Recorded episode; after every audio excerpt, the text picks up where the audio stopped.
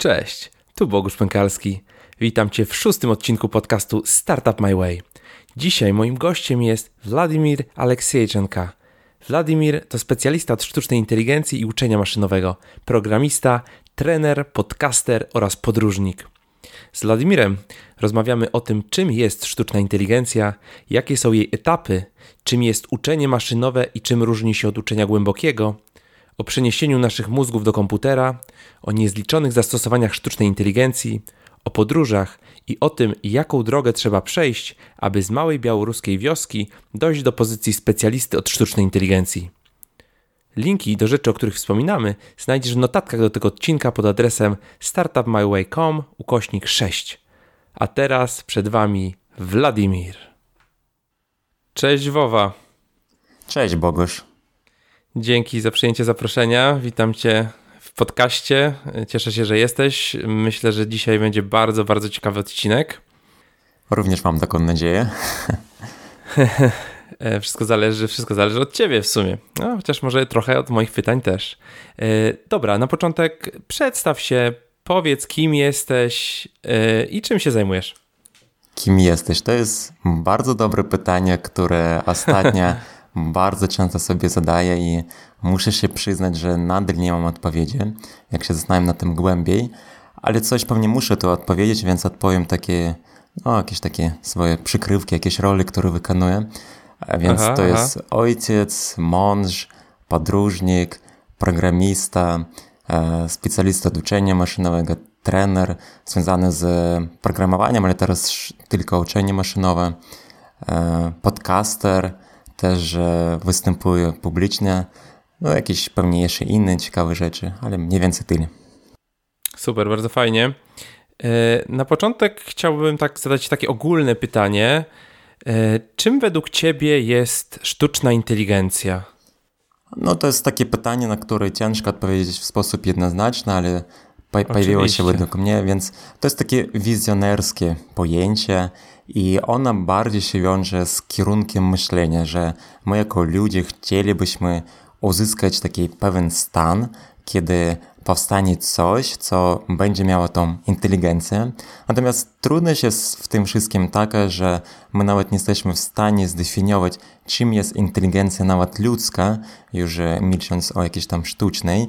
No i tutaj właśnie pojawia się taki problem, to jak określić, czy to już się pojawiło, czy idziemy w dobrym, dobrym kierunku, czy nie.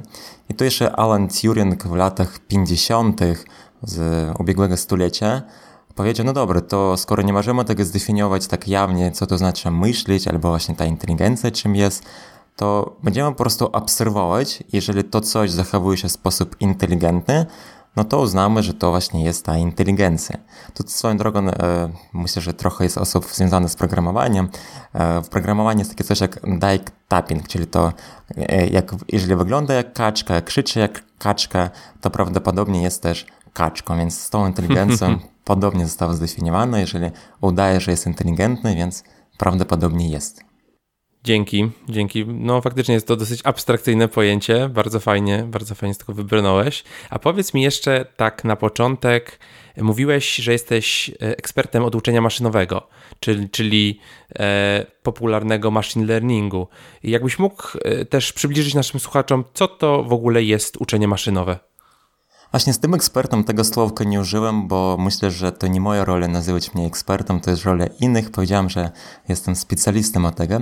A odpowiadając na co, czym jest uczenie maszynowe, to w tej chwili to jest e, jedna, właściwie jedyna jak na razie możliwość, która realizuje tą sztuczną inteligencję E, pod spodem, jeżeli tak przejrzymy się dokładnie, to przypomina trochę matematykę, trochę statystyki, no i dużo też programowania, e, dużo danych i to wszystko, jeżeli połączyć i dodać różne inne e, fajne triki, to wtedy wyjdzie uczenie maszynowe. Okej, okay, dzięki. A teraz chciałbym Cię cofnąć troszeczkę do Twojej przeszłości. Chciałbym troszeczkę poznać Cię jeżeli mógłbyś powiedzieć, gdzie się urodziłeś i skąd w ogóle wzięło się twoje zainteresowanie komputerami? O, to pewnie ciekawa historia. W sumie mało kto o tych historii wie, bo prawie nikt o to nie pyta, a skoro zapytałeś, to, to opowiem. Generalnie wychowałem się w Białorusi, w takiej najpierw takiej mniejszej miejscowości, później właściwie taki bardzo mały. To była taka prawdziwa wieś i skąd się wzięło zainteresowanie komputerami? Ja, jak się zastanawiam nad tym pytaniem, to właściwie nie wiem, czy kiedykolwiek ja się tym nie interesowałem, tylko problem był taki, że ja nie miałem dostępu do komputera i pierwszy raz, go zobaczyłem w szkole, e, to była moja piąta klasa i to było tak, że e, zobaczyłem takie stare jeszcze komputery. Tutaj w Polsce takich nie ma, bo to było robione e, na Białorusi, w mińskim takim fabryce, więc to jest nieznane, to się nazywa Corvette, ale to są takie stare komputery, pewnie z lat, myślę, że 80., to nawet nie czarno-białe, to jakieś takie zielone coś tam, kolor taki był. I, mhm. I ja wtedy się już zafascynowałam, że jest takie coś i coś tam można robić, a później tak się złożyło, że w szkole kupili dwa, właściwie najpierw jeden tylko komputer, e, najnowszy w tamtych czasach Pentium trzeci, jak teraz pamiętam. I, I nauczyciel, który akurat e, prowadził informatykę, zauważył, że coś mi chyba kręci w tym kierunku i zezwolił mi zostawiać po lekcjach wieczorem, coś tam robić. Ja siedziałam z, nie wiem, z Excelem, spreadsheetem albo tym e, Wordem, e, uczyłem różne rzeczy. Z Excelem to dla mnie było w ogóle magia. Ja przez dłuższy czas nie mogłem zrozumieć, jak to jest możliwe, że definiujesz sobie wzory e, w różnych miejscach, potem zmieniasz w jednym miejscu i wszystko magicznie się wypełnia automatycznie. Dla mnie to był taki szok, jak to jest możliwe. To jest super, to jest takie rewolucyjne. Ja też nie mogłem zrozumieć, czemu, no chociażby gdzieś tam w księgowościach albo w innych obszarach, czemu nadal ludzie liczą tak e, w słupek. Wtedy pamiętam, że jeszcze moja mama e, też pracowała i miała jakieś takie raporty miesięczne. Musiała tam zliczać różne rzeczy właśnie e, w pionie i w poziomie i później tam e, ostatecznie te liczby muszą się zgadzać. No i zawsze tam gdzieś się pomyliła, bo kalkulatorem zawsze można tam gdzieś zawieruszyć jedną liczbę. I ja pamiętam, jak napisałem taki pierwszy program, który zautomatyzowałem to coś i byłem wow, byłem dumny z siebie, że to można zastosować. No i tak jakoś się toczyłem mniej więcej. E, a kiedy, e, kiedy w ogóle trafiłeś do Polski i jak e, nauczyłeś się polskiego? E, tutaj jeszcze wydarzyło się kilka rzeczy pomiędzy, bo e, kiedy miałem, e, ile wtedy miałem? Myślę, że miałem 14 lat, to ja już pomyślałem, że muszę wyjechać z tej małej wsi, bo e, ja tam nie mogłem się rozwijać, po prostu nie miałem możliwości, e, szkoła nie dała mi takich możliwości, e, chociażby ta matematyka, informatyka i tak dalej, a i wtedy jak miałem na przełomie właśnie 14-15 lat, ja skończyłem dziewiątą klasę, to jest coś, jakbym w Polsce pewnie nie, nie, jestem pewny, ale pewnie gimnazjum skończyć, tak mi się wydaje. I wtedy masz do wyboru, albo idziesz na kolejne e, dwie klasy, albo właśnie masz takie jakby szkołę zawodową, albo college, tak się u nas to nazywała. I ja pomyślałem, że dobra, muszę wyjechać do Mińska, do stolicy Białorusi, bo e, tam są znacznie większe możliwości. Tam też taka ciekawa historia się wydarzyła. E, jak się przeprowadzaliśmy do tej wsi, to jechaliśmy pociągiem. Ja wtedy miałam bodajże 11 lat i wtedy uznałem, jak to jest fajnie podróżować. I akurat wtedy byliśmy tak dość biedną rodziną, nie mieliśmy też pieniędzy za bardzo na te bilety, więc nie mieliśmy okazji podróżować. Ale ja pomyślałem, ten maszynista, który prowadzi ten pociąg, to przecież on za darmo jeździ cały czas i podróżuje po całym świecie, no albo tam po jakichś tam większych terenach. I pomyślałem, że chyba chcę być maszynistą, tak jak miałem 11 lat. I najciekawsze jest to, że przypomniałem sobie o tym i najpierw próbowałem pójść do tej szkoły zawodowej, e, żeby być maszynistą, ale powiedzieli mi, że ja wtedy miałem chyba właśnie na przełomie 14-15, czyli chyba nawet 14 wtedy miałem lat. Powiedzieli, że jestem za młody, muszę poczekać jeszcze rok. E, więc ja się na nich obraziłem i no ale nie chciałem wracać do domu, bo chciałem zostać w Mińsku, bo chciałem się rozwijać, w końcu kupić sobie komputer własny. I wtedy dowiedziałem się, że na budowli okazuje się, że można w miarę fajnie się załapać i zebrać jakieś tam pierwsze pieniążki, więc poszedłem, poszedłem do tej szkoły e, takiej zawodowej e, studiować budowlę. Właśnie skończyłem, 4 lata tam studiowałem. Po pierwszym roku już zacząłem zarabiać swoje pierwsze pieniążki w tym temacie, bo okazało się, że najciekawsza była sytuacja, że po pierwsze nie miałem ani klientów, ani nie miałem robić jeszcze pracy. Więc pomyślałem tak, najpierw znajdę osobę, która ma klientów. Znalazłem taką osobę i ona akurat chciała ode mnie 10 czy 15%, ja już teraz nie pamiętam, od całości. To było dość dużo w sumie. A później znalazłem taką osobę, która już miała doświadczenie i, i my razem z tą osobą chodzili, robili te remonty.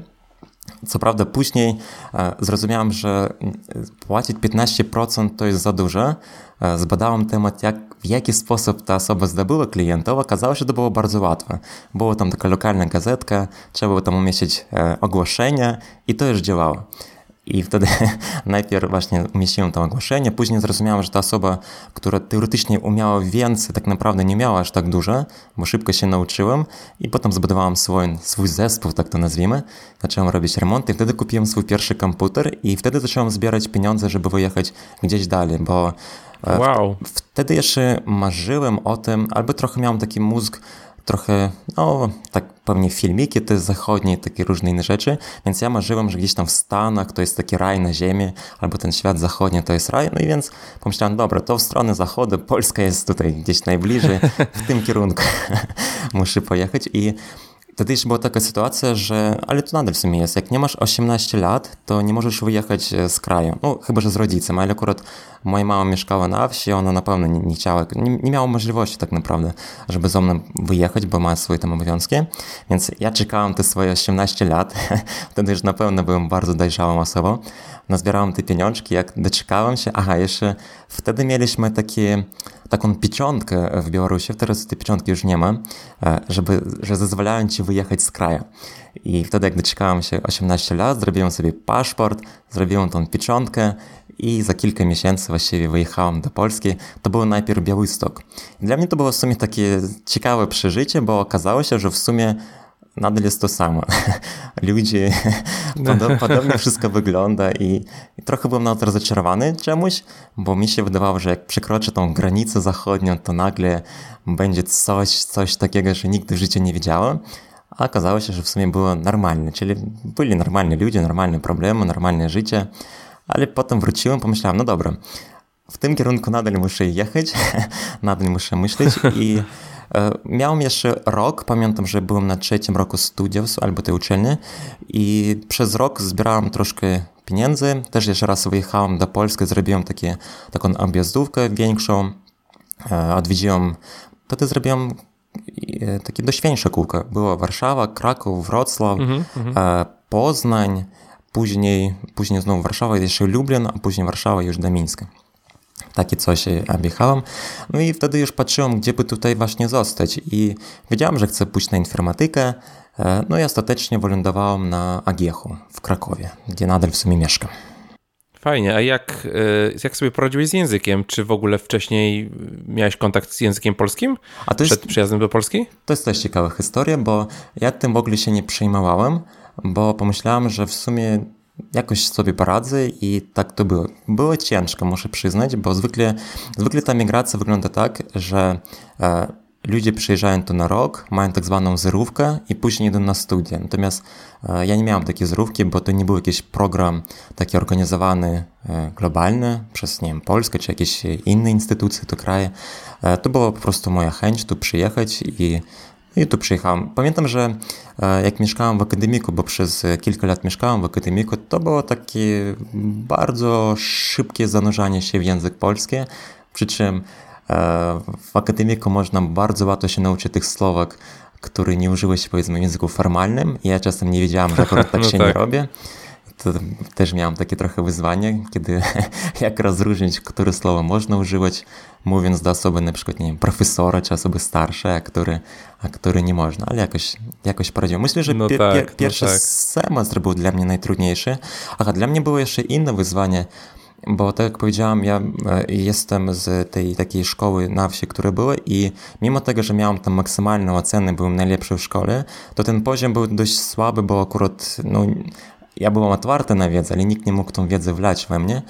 I jak tu przyjechałem na Agiech, to, to było czuć, że tu przychodzą osoby, które mają tą matmę dość mocną i, mm -hmm. no i było dość ciężko. I właściwie u mnie na roku, z tego co ja pamiętam, połowa kursu wyleciała w sumie po dwóch semestrach, między innymi za matmy i fizyki i no było, było ciężko, ale jakoś sobie poradziłem, więc była zabawa.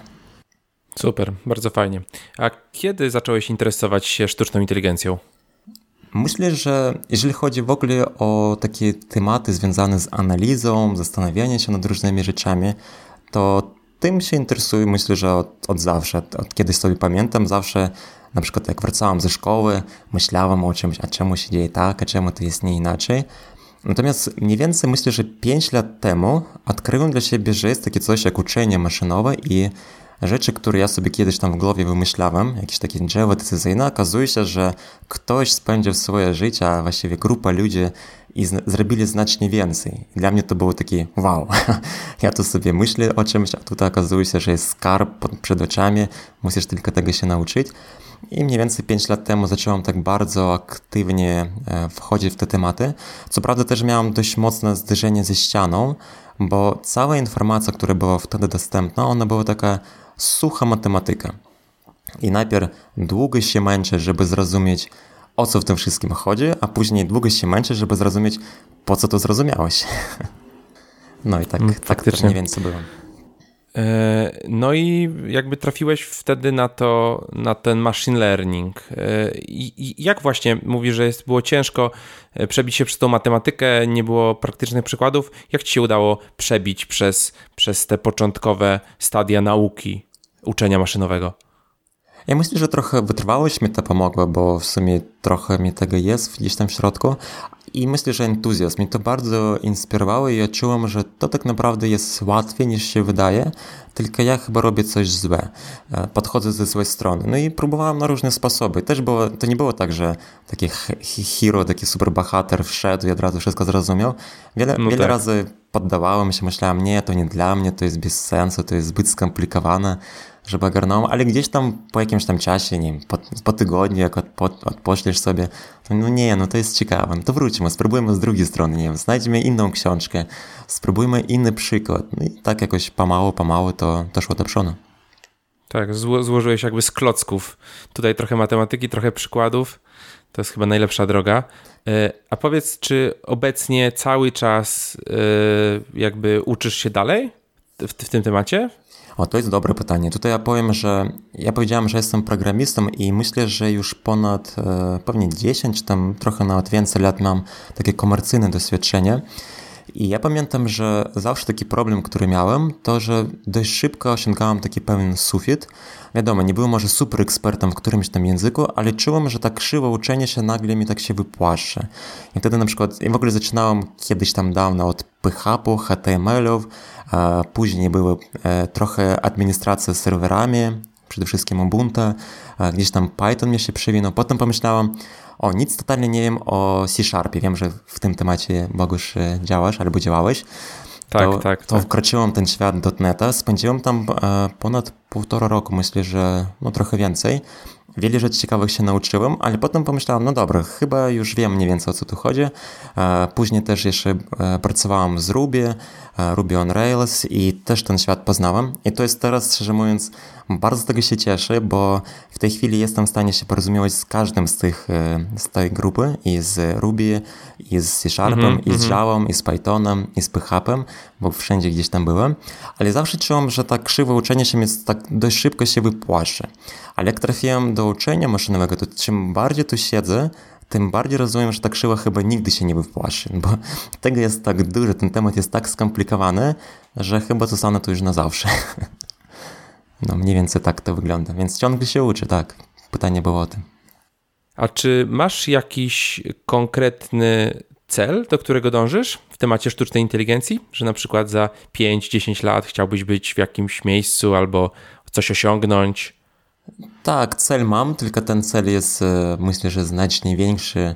Właściwie nie wiem, czy starsze mi życie też w sumie pozwoli, żeby o nim na razie nie mówić na głos, bo jeszcze jest bardziej wizjonerskie niż takie konkretne, ale takie bardziej taktyczne to też są e, cele. No, przede wszystkim e, pomagam innym wejść do tego tematu i pokazuję, że to nie jest takie skomplikowane. E, realizuję kilka innych projektów i myślę, że chciałbym, e, bo właśnie to, co robię, to jest tak, że przykładam się nie tylko do rozwiązania technicznego, że tutaj właśnie jest rozwiązanie, to działa, tylko próbuję to zastosować w takich e, obszarach, żeby pomóc innym, bo tutaj nie ukrywajmy, a, a teraz dostaję dużo różnych zapytań od różnych ludzi, ale cały czas te zapytania filtruję, czy to rozwiązanie na pewno będzie pomocne dla ludzi, czy to jest taka manipulacja, no bo uczenie maszynowe jest super narzędziem, żeby manipulować i, i wydaje mi się, że mam też taką jakąś świadomość, nie wiem sobie skąd to przyszło, ale tak mi jakoś przyszło, że fajnie oprócz tych technicznych umiejętności gdzieś też promować tą etyczną część, że stosujmy uczenie maszynowe, żeby pomagać, a nie żeby krzywdzić albo kogoś oszukiwać i tak dalej. Więc to jest tak w skrócie taki taktyczny cel dookoła, który ja wykonuję. A co, a co rozumiesz przez to, że można oszukiwać kogoś przez uczenie maszynowe? No to zależy, ale na przykład jeśli chodzi o manipulację, może taki przykład podam. Mhm, są takie placówki, jakieś e, kredyty, chwilówki i podobne. Oni mają super dane, bo zbierają te dane od dawna i potrafią e, te kredyty dawać e, ludziom, no zwykle biednym ludziom, bo aha, dają takie aha. mniejsze kredyty. No i teraz taki algorytm będzie w stanie pomóc im powiedzieć, która osoba prawdopodobnie chce wziąć kolejny kredyt. I z punktu widzenia technicznego da się to zrobić. To nawet jest całkiem ciekawe zadanie, no bo mają dane, te dane są w miarę czyste, ale z punktu widzenia etycznego to zadanie takie jest słabe, no bo tak naprawdę pomagasz komuś zadłużyć się innym no i ludzie te w końcu tracą. Ja wierzę, że takie działania tak czy owak wrócą też do osoby, która to realizuje, bo to też nie chodzi o to, że no mi kazali to zrobić, no bo również dobrze można powiedzieć, że Hitler mi kazał strzelić, no ale tak słabe to jest podejście. No e, tak, no tak. E, Okej, okay, dzięki. E, chciałem cię zapytać o te podróże, bo wiem, że się interesujesz podróżami. E, i masz może jakieś najciekawsze miejsca, które odwiedziłeś, które możesz polecić? Podróże tak, e, jest taki temat dla mnie bardzo i to bardzo ciekawy, zwłaszcza wtedy, kiedy e, jeszcze nie mieliśmy dziecka, to cały czas próbowaliśmy gdzieś się wybierać. Teraz też próbujemy. Czasem się mówi, że z dzieckiem się nie da, jednak się da, tylko no faktycznie są e, pewne wyzwania. Z takich miejsc, ja w sumie nie byłem w jakichś takich super egzotycznych miejscach, gdzieś tam w Azji, tam mam plan wybierać się e, w najbliższej przyszłości. Z takich polecam, miejsc... polecam. Właśnie pamiętam, gdzieś tam wspomniałeś, że byłeś trzy miesiące. Myślę, że to jest całkiem fajna przygoda. Myślę, że warto takie rzeczy przeżyć w życiu. Co prawda też e, fajnie to powiedziałeś, że akurat tutaj nie miałeś dziecka, bo teraz z jednej strony tak, tak. chcę tam pojechać, ale jak masz małe dziecko, bo ja mam e, dwa lata synek, dwa i pół właściwie, więc mhm. trochę starszy niż twoja córeczka, ale no nadal jest jeszcze małe, więc trochę się obawiasz, a co jeśli coś tam, coś tam i tak dalej, i tak dalej, więc to jest takie ograniczenie. Ale z takich, e, o, na przykład ostatnio byłem w Emiratach i w Dubajach i w Abu Dhabi. I szczerze mówiąc mhm. zrobiło na to mnie wrażenie ten kraj, Wiem, że on często kojarzy się trochę tak negatywnie, że właśnie te Arabie, coś tam na pieniądzach siedzą, ale jak tam patrzyłem dookoła, to byłem zaskoczony, jak oni mądrze te pieniądze wykorzystują, bo z jednej strony ok, mieli trochę farta, mieli tą ropę, w sumie nadal jeszcze mają, ale z tego, co oglądałem i też czytałem na ten temat, to te wszystkie pieniądze, które tam się kręcą, to też nie chodzi już o tą ropę. Ta ropa chyba jest tylko jedna trzecia, może nawet gdzieś tam w tych e, e, granicach, jeżeli chodzi o te obroty kraju.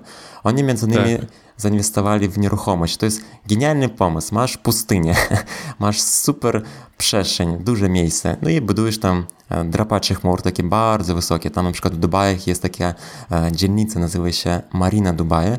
I to jest takie duże miejsce, gdzie jest dużo, dużo budynków i potem robisz taki super marketing, PR, reklamy, że Dubaj to jest super miejsce, żeby kupić sobie mieszkanie. No i ludzie kupują. No i teraz na pustym miejscu tyle budynków zostało wybudowane, tyle tych mieszkań tam się pojawiło, no i sprzedaje się. No i tak, to jest jeden z przykładów, który oni realizują. No albo to, że mają, e, to jest miejsce, w którym, jak to tam się było, że wzięli samolot mniej więcej takiej oryginalnej wielkości i cały go obłożyli kwiatami. I to jest największa właśnie taka ozdoba, dekoracja z żywych kwiatów. Tylko fajnie, ale to jest pustynia, więc w pustyni jest największa dekoracja z kwiatów fajnie to brzmi. Ale to bardziej mnie doprowadziło do myśli, że zastanawiałem się na tym, że tak naprawdę człowiek może zrealizować wszystko, co chce. Co prawda, oczywiście warto pytać, po co to robić, no bo jeżeli tylko po to, żeby się pochwalić, to inna sprawa, ale ja myślałem pod innym kontekstem, jak często nam się wydaje, że czegoś nie możemy, a z drugiej strony, a skąd nam się tak wydaje? Tak naprawdę możemy wszystko, tylko musimy sobie na to pozwolić. Dokładnie, dokładnie. A powiedz mi, y, co ci dają podróże? Masz, dają ci jakby mm, jakiś, jakieś, y, mają jakieś takie plusy dla, dla twojego rozwoju wewnętrznego? Tak, to przede wszystkim właśnie dlatego i podróżuję. Właśnie każdy podróż to jest taki Kolejny jakiś tam krok w rozwoju, obserwacja, jak inni ludzie żyją, jak się zachowują. Na przykład Stany Zjednoczone. Ja pamiętam e, rok 2012, tuż przed końcem świata, obiecali, a właśnie myślałem, że muszę, muszę tam pojechać, bo jak koniec świata, to nie zobaczę Stanów, a tak wtedy marzyłem o tym. I to było akurat w grudniu, więc tuż przed końcem świata odwiedziłem Stany. I też pojechałem oczywiście do Doliny Krzemowa, bo wtedy marzyłem, że to jest chyba super jakieś takie rajskie miejsce, muszę go zobaczyć. No właśnie. I, I byłem trochę rozczarowany po raz kolejny, podobnie jak na Polskie przyjechałem, bo przyjechałem tam i na przykład Mountain View, czyli tam, gdzie Google sobie siedzi, i to jest takie małe miasteczko, w które no, jest po prostu małe, nic się nie dzieje, samochody, ludzie, nie ma tam żadnych, nie wiem, science fiction, nie ma nic, co by powiedziało, że to jest Dolina Krzemowa, oprócz tego, że ja wiem, że jestem w Dolinie Krzemowej. No dobrze, znalazłem na przykład ulicę, która nazywa się uh, Google Drive i no i tyle mniej więcej. I Potem siedziałem i myślałem, no dobra, ale czego ja się spodziewałem? No w sumie nie wiem, czego się spodziewałem, ale, ale spodziewałem się czegoś więcej niż zwykłe, zwykłe miasteczka. I, I to mnie tak kolejny raz otworzyło oczy, że ty patrzysz tak na świat bardziej rzeczywisty, jak to jest. Nie próbujesz sobie wymyślić czegoś, czego nie ma, tylko widzisz, jak to jest. I też widzisz na przykład tutaj, na przykład w Dolinie Krzymowo, to mało się mówi, dla osób, które... Coś tutaj mnie, jakiś samochód, czekaj jeszcze raz... Dla osób, które mieszkają w Dolinie Krzemowej, to oni oczywiście o tym wiedzą, tam jest problem z korkami. Ten, tam te korki są gigantyczne. Mimo tego, że drogi są dość szerokie i też całkiem fajne, ale te korki są takie dość, dość ogromne i jeżeli jedziesz do pracy, tak, nie wiem, o ósmej mniej więcej i wracasz tam czwarte, piąte, no to nieźle trzeba tam się postarać. Ja wtedy pomyślałem, no z jednej strony fajnie tam mieszkać, ale tak właśnie codziennie jeździć takim samochodem i stać w korkach, no już niekoniecznie. I tutaj już też zaczynasz widzieć te plusy i minusy, czyli wszędzie są i zalety i wady, to trzeba jakoś tam zrównoważyć.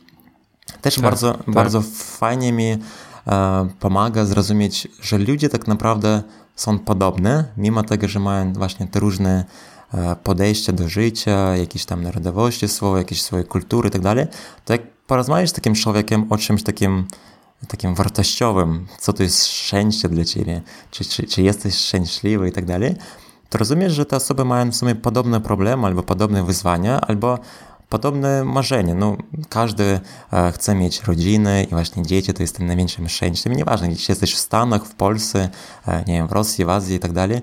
Wiadomo, e, tam są różne wagi, na przykład w świecie zachodnim akurat rodzina no niby jest ważna, tak się mówi, ale faktycznie trochę straciła tą wartość, niestety.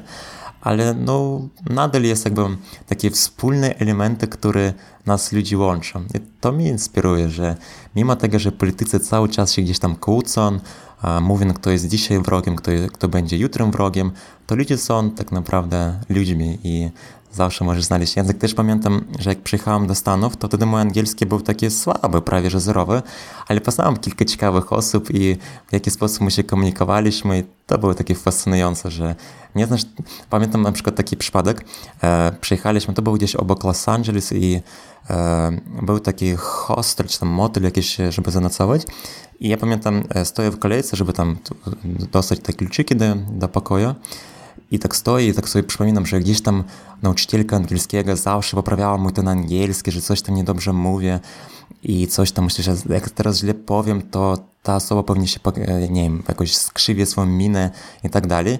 I powiedziałam oczywiście źle, ale ta osoba w ogóle się nie przyjęła. On po prostu dał mi te klucze, wziął pieniądze i tyle. I dla mnie to otworzyło oczy, bo w szkole zwykle e, taka nauczycielka non-stop ci poprawia ten język i mówi, że jesteś zły, bo akurat to słowko nie tak powiedziałeś, zamiast tego, żeby się skupić na takiej praktycznej rozmowie, a ten człowiek po drugiej stronie po prostu usłyszał to, co chciał usłyszeć, że ja potrzebuję ten jeden pokój. I ten, że angielski był jakiś krzywy, nie krzywy, dla niego było wszystko jedno. On dał mi klucze i wykonał swoją pracę. I dla mnie było wtedy zrozumiałe, że w naszym życiu chodzi o coś innego niż być idealnym. Chodzi o to, żeby da się porozumieć albo dostarczyć tą wartość, albo ten komunikat, który jest najważniejszy. I nawet jeżeli popełniasz błędy, to to wcale nie jest takie ważne. Oczywiście trzeba się uczyć, e, starać się być lepszym i tak dalej, ale to chodzi o coś innego niż taka teoretyczność, idealność i tak dalej. I takie, takie rzeczy właśnie uczy się w podróżach. Takich historii w sumie jest sporo, mogę opowiadać różne historie, ale każdy raz gdzieś tam coś nowego dla siebie znajduję. Super. No tak, podróże na pewno są e, niesamowicie rozwijającą rzeczą. E, no ale wracając do naszego dzisiejszego głównego tematu, e, czyli sztucznej inteligencji, chciałbym się zapytać, mówiliśmy o uczeniu maszynowym, czy uczenie maszynowe jest jedynym obecnie sposobem osiągnięcia sztucznej inteligencji? Są inne próby, różne próby, tylko te próby jak na razie są dość takie słabe, a druga rzecz, że dość często oni też pokrywają się z tym, co robi uczenie maszynowe. I w tej chwili możemy powiedzieć tak, że uczenie maszynowe to jest e, właśnie sposób realizacji tej inteligencji, na ile, na, na ile potrafimy. Co prawda to też jest e, dość ograniczone. No zobaczymy jak to będzie się rozwijało, bo jak na razie rozwija się dużymi krokami.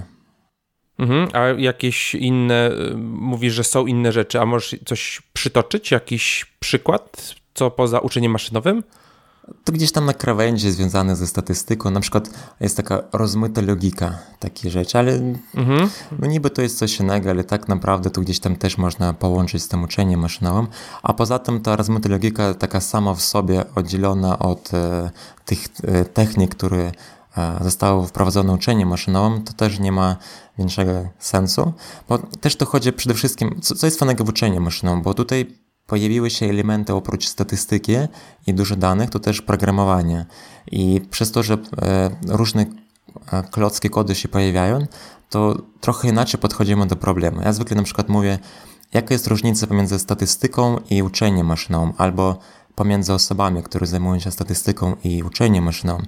Więc w skrócie to jest tak, tak bardzo upraszczając. W statystyce zwykle jak robisz jakieś badanie, to najpierw musisz wybrać jakieś e, znane nazwiska Gaussa, jeszcze jakieś inne i powiedzieć, że zgodnie z Gaussem ten rozkład bla bla bla, tabelka taka i taka i dlatego wynik jest taki i taki. W uczeniu maszynowym jest trochę inaczej. Nie próbujesz się bronić przez jakieś znane nazwiska, po prostu weryfikujesz e, stosując różne pomysły i potem patrzysz, który pomysł działa najlepiej. Oczywiście w większości przypadków nie rozumiesz, dlaczego to, to działa, ale to też całkiem akceptujesz i mówisz, że ok, ja nie muszę tego rozumieć, ale to podejście działa najlepiej. Więc uczenie maszynowe ma trochę inny sposób rozwiązania problemu, że bardziej skupiamy się na tym, żeby problem rozwiązać i mniej na tym, żeby zrozumieć, jak to działa pod spodem.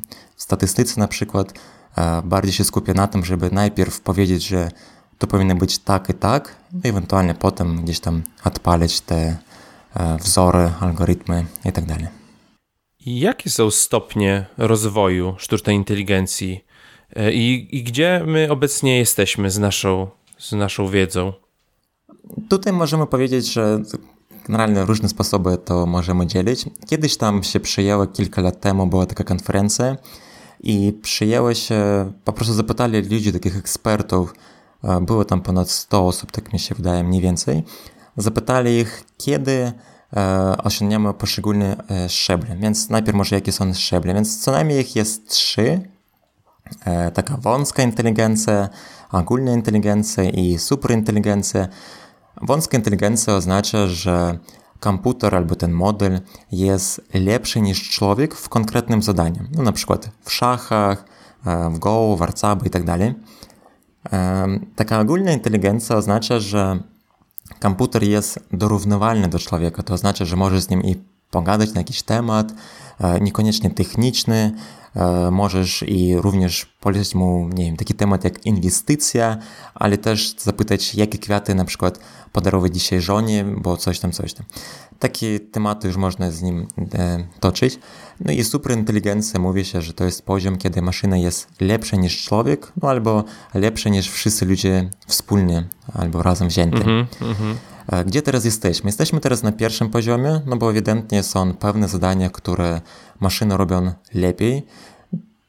Pewnie taki bardzo słynny przykład, który gdzieś tam e, się uszy bije cały czas, to jest AlphaGo, to jest taki model, który gra w Go, no i wygrał najpierw Lisidola, później kolejną osobę. W sumie Lisidol nie był to numer jeden, tylko raczej numer cztery.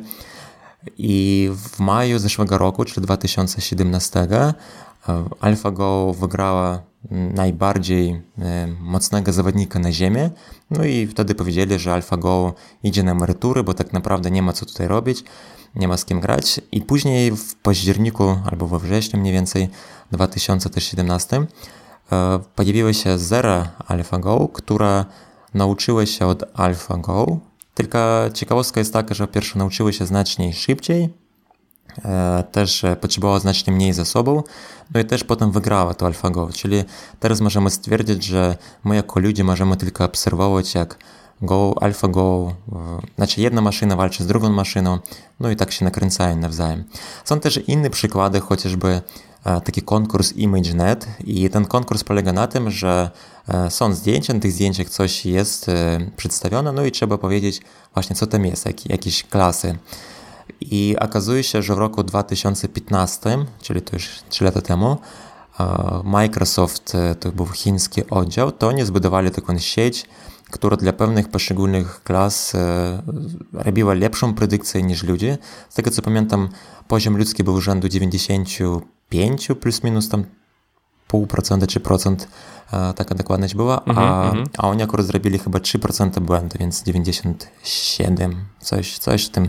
W każdym razie kilka procent było, 1 czy 2% było, było lepiej. Są inne przypadki, gdzie maszyny są lepsze i tutaj nie ma co się dziwić, tak naprawdę Myślę, że w najbliższym czasie ta największa rewolucja właśnie będzie w tych poszczególnych punktach. Natomiast. No, można po. Mhm. No, no, no, no, Można powiedzieć, że już nawet taki kalkulator był pewnego rodzaju tą wąską sztuczną inteligencją, no bo liczył zdecydowanie lepiej niż człowiek. No to tak ładnie. Albo ten Excel to jeszcze trochę krok dalej, więc tutaj. No właśnie. Tak jest. To już magia dla ciebie była kiedyś. tak, dla mnie też była sztuczna inteligencja w ten. I myślę, że tutaj każdy się zgodzi, że maszyny, jeżeli chodzi o liczby, a zwłaszcza jeżeli mówimy o dużej ilości liczb, to maszyna zawsze będzie lepsza. Tutaj nie ma, nie ma co ukrywać. Chociaż z Go tam była też taka ciekawostka, że sama gra jest taka nieoczywista, jeżeli chodzi o zliczanie punktów. To znaczy, że jeżeli w środku gry zapytasz, kto teraz wygrywa, to nie ma jednoznacznej odpowiedzi. I każda osoba powie, no wydaje mi się, że ten albo tamten. No to jest trochę nieprzyjemna sytuacja, bo jeżeli mówimy o szachach, to tam jest znacznie łatwiej powiedzieć, kto teraz wygrywa. No przynajmniej zliczyć e, e, kto, kto co ma, jeżeli ktoś ma trochę więcej, tam w zależności też od wag, no to można to zliczyć w punktach. W Go takie rzeczy nie można było zrobić i oni dlatego zbudowali tak naprawdę dwie sieci i pierwsza sieć robiła tą magię intuicyjną, że patrząc na ten stan, który jest, mówiła, jakie jest prawdopodobieństwo, że wygra biały albo czarny. E, no, kolory to białe albo czarne. I druga e, sieć robiła to, że podpowiadała, e, z jakim prawdopodobieństwem e, trzeba iść w ten czy w drugi kierunek. Tak, e, a ta no mówiliśmy o tym, że jeszcze mm, po AlphaGo DeepMind, czyli firma odpowiedzialna za, za ten algorytm, stworzyła AlphaGo Zero, który e, co jest tutaj interesującą rzeczą, poza tymi rzeczami, które, które wymieniłeś, że nauczyła się szybciej, pokonała ten pierwszy algorytm we wszystkich, we wszystkich grach, korzystała z mniejszej mocy obliczeniowej, to istotna informacja tutaj jest taka, że pierwszy algorytm miał do dyspozycji ileś tam setek tysięcy gier yy, profesjonalnych przeprowadzonych przez ludzi, jakby na tej podstawie się, się zaczął uczyć, a ta druga wersja Zero yy, uczyła się de facto sama od siebie, tak? Grając e, miliony razy sama ze sobą, nie znając żadnych jakby profesjonalnych ruchów, technik, strategii, tak? Tylko jakby metodą prób i błędów. I okazuje się, że wersja, która nie miała e, dostępu do tych e, setek tysięcy profesjonalnych gier, była lepsza od tej wersji, która uczyła się jakby na, na tym, co ludzie przez tysiące lat, odkąd ta gra istnieje, stworzyli. To jest bardzo ciekawe. Tak, zgadza się. Właśnie teoretycznie Go istnieje chyba około 4000 lat, ale tam kto wie, nie wiadomo jak to zliczyć. Ale dokładnie, AlphaGo Zero uczyło się totalnie od zera, że najpierw robiło losowe ruchy, no i miało tam pewne kary. E, oczywiście to są jakieś wagi, nie fizyczne kary, bo jak to można No i w ten sposób się nauczyłem. A jeszcze pozwolę sobie wrócić do Twojego pytania, bo nie odpowiedziałam w mhm, całości, mm -hmm. więc odpowiedziałam o tej wąskiej e, inteligencji, już, już tam jesteśmy. E, ten drugi poziom, czyli ta ogólna inteligencja, mówi się, że w roku 2040 to ma osiągnąć, no i superinteligencja 2060. Chociaż tutaj mi podoba się trochę inne publikacje, które pojawiły się bodajże rok, czy może nawet dwa lata temu, zrobiona wspólnie z Oxfordem i taki, taki instytut jest, e, nazywa się jakoś Przyszłość ludzi, ludzkości, coś takiego. Future of Humanity Institute, chyba jakoś tak to się nazywało. I oni tam bardzo fajna publikacja, możemy to gdzieś tam do notatków za, załączyć, ale tak w skrócie powiem, mhm. że tam szacowało się, jak, jak to się robi zwykle. Pyta się ludzi, czyli tych ekspertów na konferencjach. Też tam było trochę tych ludzi, myślę, że ponad 100. Tam warto sprawdzić, ale zwykle mniej więcej tyle. E, tam ich, chyba na tym przypadku było jeszcze więcej, bo to było nie tylko na konferencji, tylko wysyłali to gdzieś, ale to lepiej sprawdzić. Ale ciekawe są wyniki. Tam na przykład oni powiedzieli, no dobra, nie będziemy teraz mówić tak zbyt jakoś ogólnione, skupmy się lepiej na konkretnych zadaniach. No na przykład tłumaczenia tekstu i uważa się, że w roku 2024 maszyna będzie lepsza niż komputer. Więc jak ktoś chce zostać jakimś tam tłumaczem, to warto się zastanowić. Albo na przykład w pisaniu esejach w roku 2026. Albo coś ciekawszego, pisanie tych najlepiej sprzedających się książek 2049 czy tam 50. No, mniej więcej tak. Ciekawe. Zastanawiam się, czy to trochę nie straci e, takiego romantyzmu tak? No jeżeli będzie to pisała maszyna, no chyba, że nie będziemy wiedzieli, faktycznie nie będzie się dało odróżnić tego, że, e, że to stworzyła maszyna, a nie człowiek. Były no, takie, to już takie... Mhm. Były takie robione różne eksperymenty, kiedy nikt nie, nie, nie zgłaszał, że to było napisane przez maszynę, i to był jakiś konkurs w Japonii i właśnie gdzieś tam w środku zajęło miejsce, bo wydawało się, że to było w miarę sensowne. Też słyszałam o jakiejś publikacji naukowej, która była wygenerowana w ten sposób, też gdzieś tam e, przeszła pewne filtry i została opublikowana w takim magazynie. Też taka ciekawostka, tutaj warto powiedzieć, e, w tej publikacji to było wspomniane, no i ogólnie tak to widać, że naukowcy z Chin są bardziej optymistyczni czemuś. To znaczy, że jak ich pytasz o jakieś tam zdarzenie, kiedy mają nastąpić, to oni zwykle mówią tak 5, 10, czasem 20 lat e, wcześniej niż inni, na przykład e, naukowcy ze Stanów Zjednoczonych. No i to jest taka ciekawa sprawa, czemu czy oni są tacy w różowych okularach, czy mają jakąś tam swoje plany i swoje jakieś tam realizacje. Gdzieś tam nagrywam też odcinek, jeżeli chodzi o Chiny. I Chiny naprawdę teraz robią wrażenie, jeżeli chodzi o rozwój w tym temacie. I to nawet, to nawet nie jest aż na tyle optymistyczny też, bo tak naprawdę nie wiadomo dokąd dążą. I też wiadomo, że wcale nie mają żadnych hamulców, po prostu brną do przodu i inwestują wszystko, co potrafią, a inwestują bardzo duże kwoty i też mają bardzo duże ambicje, w 20 którymś tam roku chce on się stać numer jeden na świecie, jeżeli chodzi o sztuczną inteligencję. No, Chiny są na pewno potężnym graczem. E, zalinkujemy do Twojego odcinka, jak ktoś będzie chciał więcej informacji, to sobie posłuchał Ciebie w podcaście.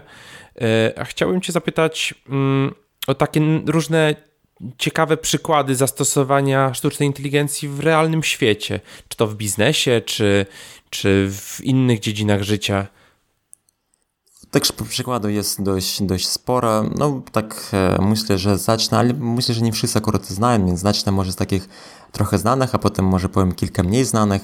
No, na przykład mhm, DeepMind, to jest ta właśnie jednostka Google'owa, to oni zaimplementowali taki deep learningowy model, czyli to się sieci neuronowe i problem, który mieli, to dużo serwerów, trzeba jakoś te serwery chłodzić, i zarządzać tym systemem nie jest aż tak prosto. Oczywiście ludzie próbowali podejść do tego tematu na różne sposoby, próbowali optymalizować ten proces, ale okazało się, że ten model jest w stanie zrobić to znacznie lepiej i tam ewidentnie w tym artykule, którym pokazywali, że miejsce, gdzie algorytm włącza się i się wyłącza, to ewidentnie widać, że działa bardziej optymalnie i podobnie oszacowali, że udało się oszczędzić 40% energii, więc dla skali Google to są gigantyczne kwoty.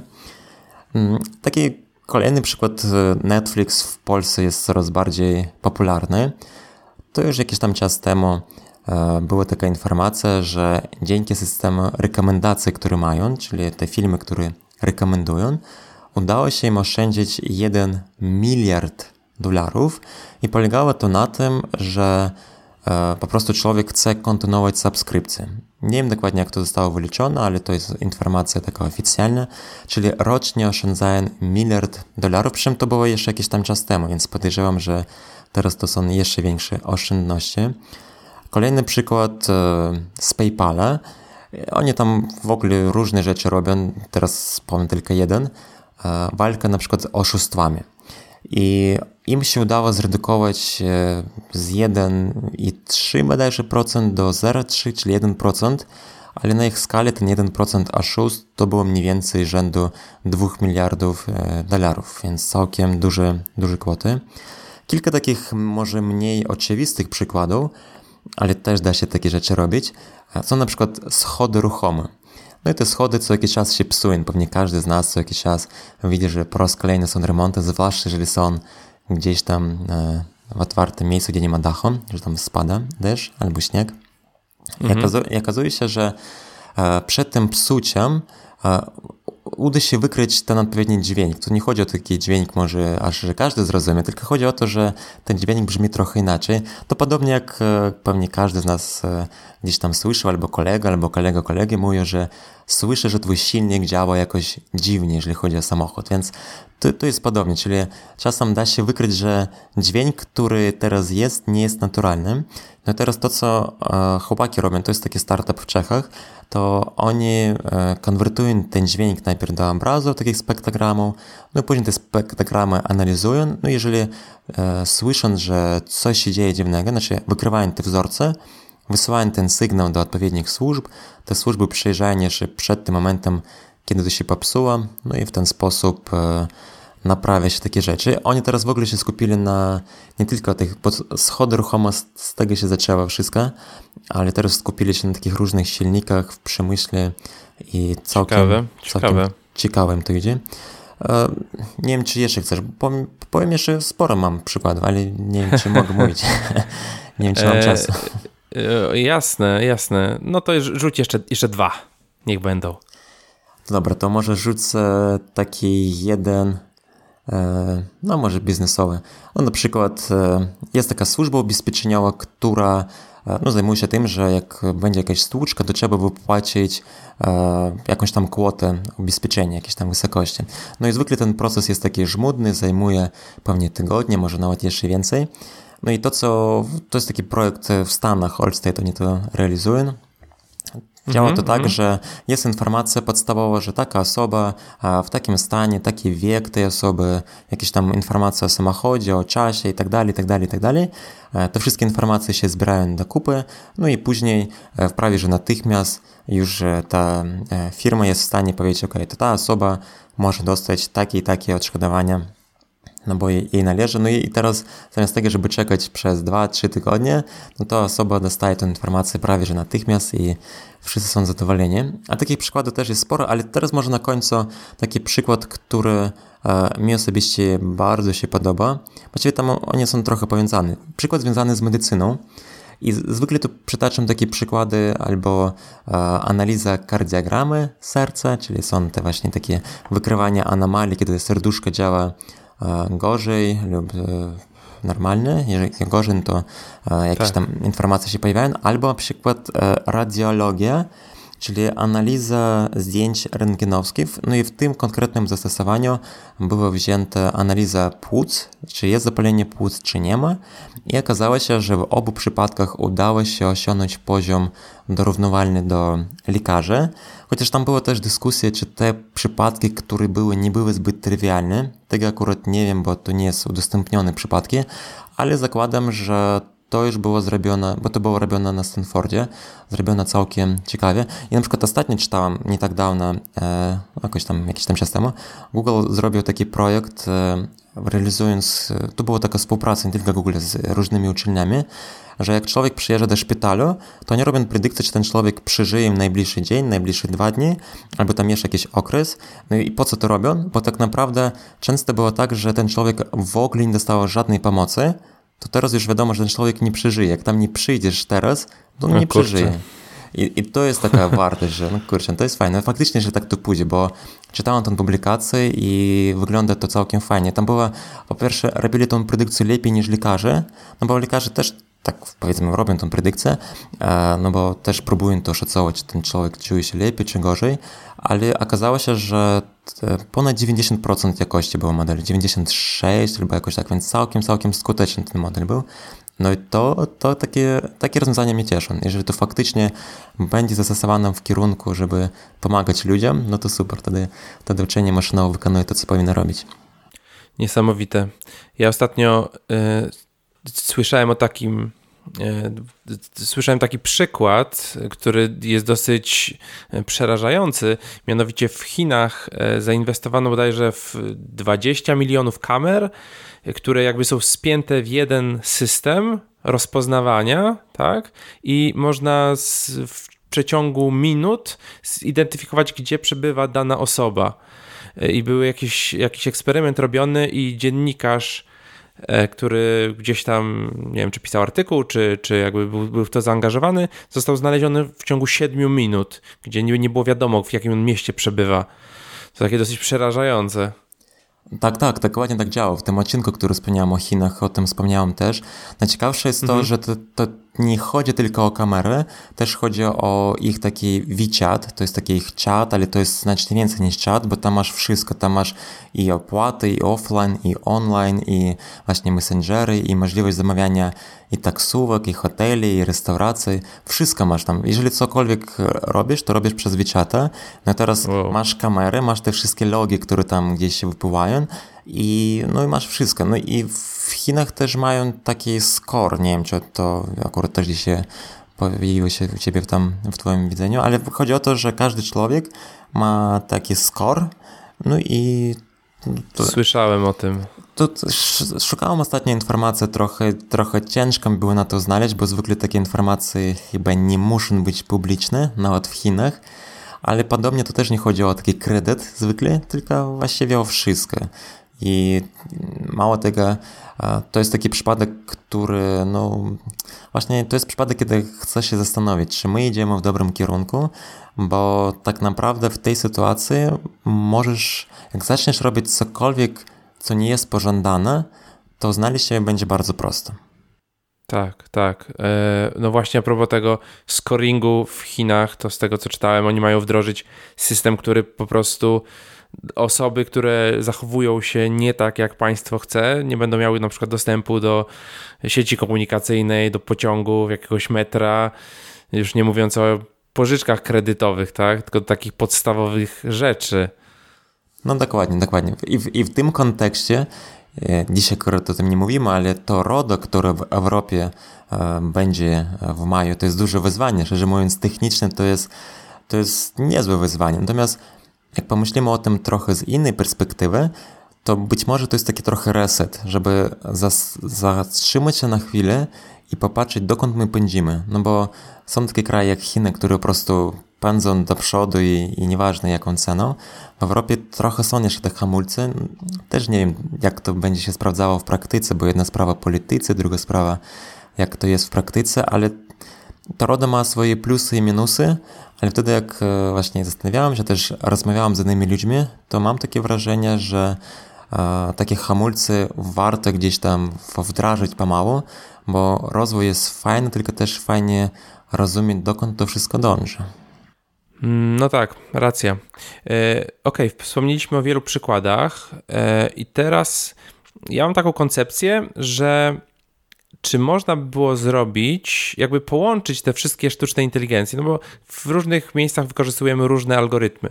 Więc wzięlibyśmy e, taki algorytm, który gra dobrze w szachy, taki, który dobrze e, analizuje jakieś zdjęcia medyczne, taki, który rozpoznaje twarze i, i tak dalej, i tak dalej. Byśmy złożyli to w taką jedną jedną wielką inteligencję, czy w taki sposób nie bylibyśmy w stanie osiągnąć jakichś kolejnych poziomów rozwoju?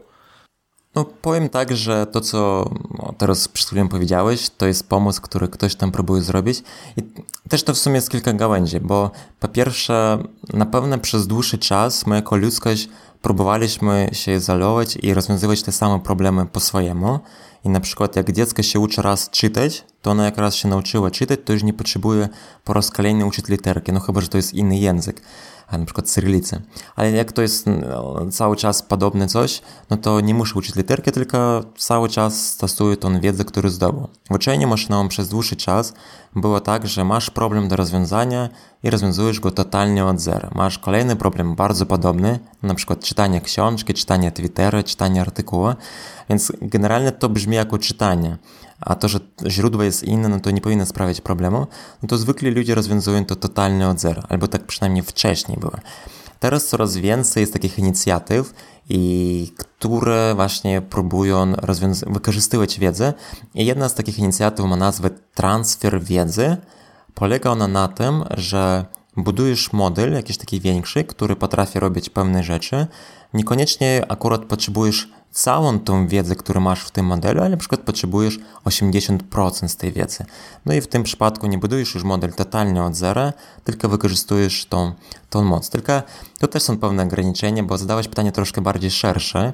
Czy dałoby mm -hmm. się mhm. to połączyć w taki sposób, że mamy tutaj różne umiejętności i tak fajnie zgrać? E, to jest trochę wyzwanie, przyznam się. Chociaż e, taki startup e, Good AI, to jest w Czechach, w, pra w Pradze, oni mają taki ambitny plan zbudować tą e, sztuczną inteligencję poziom ogólny najszybciej jak tylko się da. Z tego co pamiętam mają taki zegarek, e, taki deadline, chyba 10 lat, czy tam coś takiego mają wpisane. I jak pytałam właśnie założycieli, właściwie tam kilka osób, które są w tym topie, head tam coś, to on właśnie mówił, że no nasze podejście jest takie, że my chcemy zbudować najpierw takie najprostsze umiejętności, a później właśnie jakbym akumulować. No i taki prosty przykład, e, jak potrafisz sumować rzeczy, to też potrafisz mnożyć, no bo tak naprawdę mnożenie to jest jakbym część sumy. No no i fajnie, jak mówimy o takich prostych przykładach, natomiast zapytałem, no ale dobra, ale czy jesteśmy w ogóle w stanie nasze życie jakbym zmapować na taki graf, taki jakiś bardzo fajny matematyczny graf. No i ciężko to jest zrobić i tak naprawdę jest to jakiś kierunek, ale z drugiej strony nadal to jest takie trochę trochę skomplikowane. Być może to się okaże, że na jakimś poziomie pojawi się narzędzie, czyli kolejna jakaś tam sieć neuronowa, która nam tym będzie pomagać. I to jest prawdopodobnie kierunek rozwoju, który może się wydarzyć, że w pewnym momencie, tak jak AlphaGo Zero przyjęła władzę, zaczęła sama się uczyć, to w pewnym momencie jakaś inna sieć może podpowiedzieć nam, jak to możemy osiągnąć. I wtedy być może potrafimy zbudować e, taki graf albo jakieś takie zależności, że mamy wiedzę w różnych miejscach i potrafimy to w jakiś tam sposób połączyć. Natomiast jak na razie to jest duże wyzwanie. A powiedz mi, czy y, jak duże zainteresowanie tym tematem sztucznej inteligencji i machine learningu jest w Polsce? Czy mamy tutaj wielu specjalistów, dużo firm stosuje te techniki?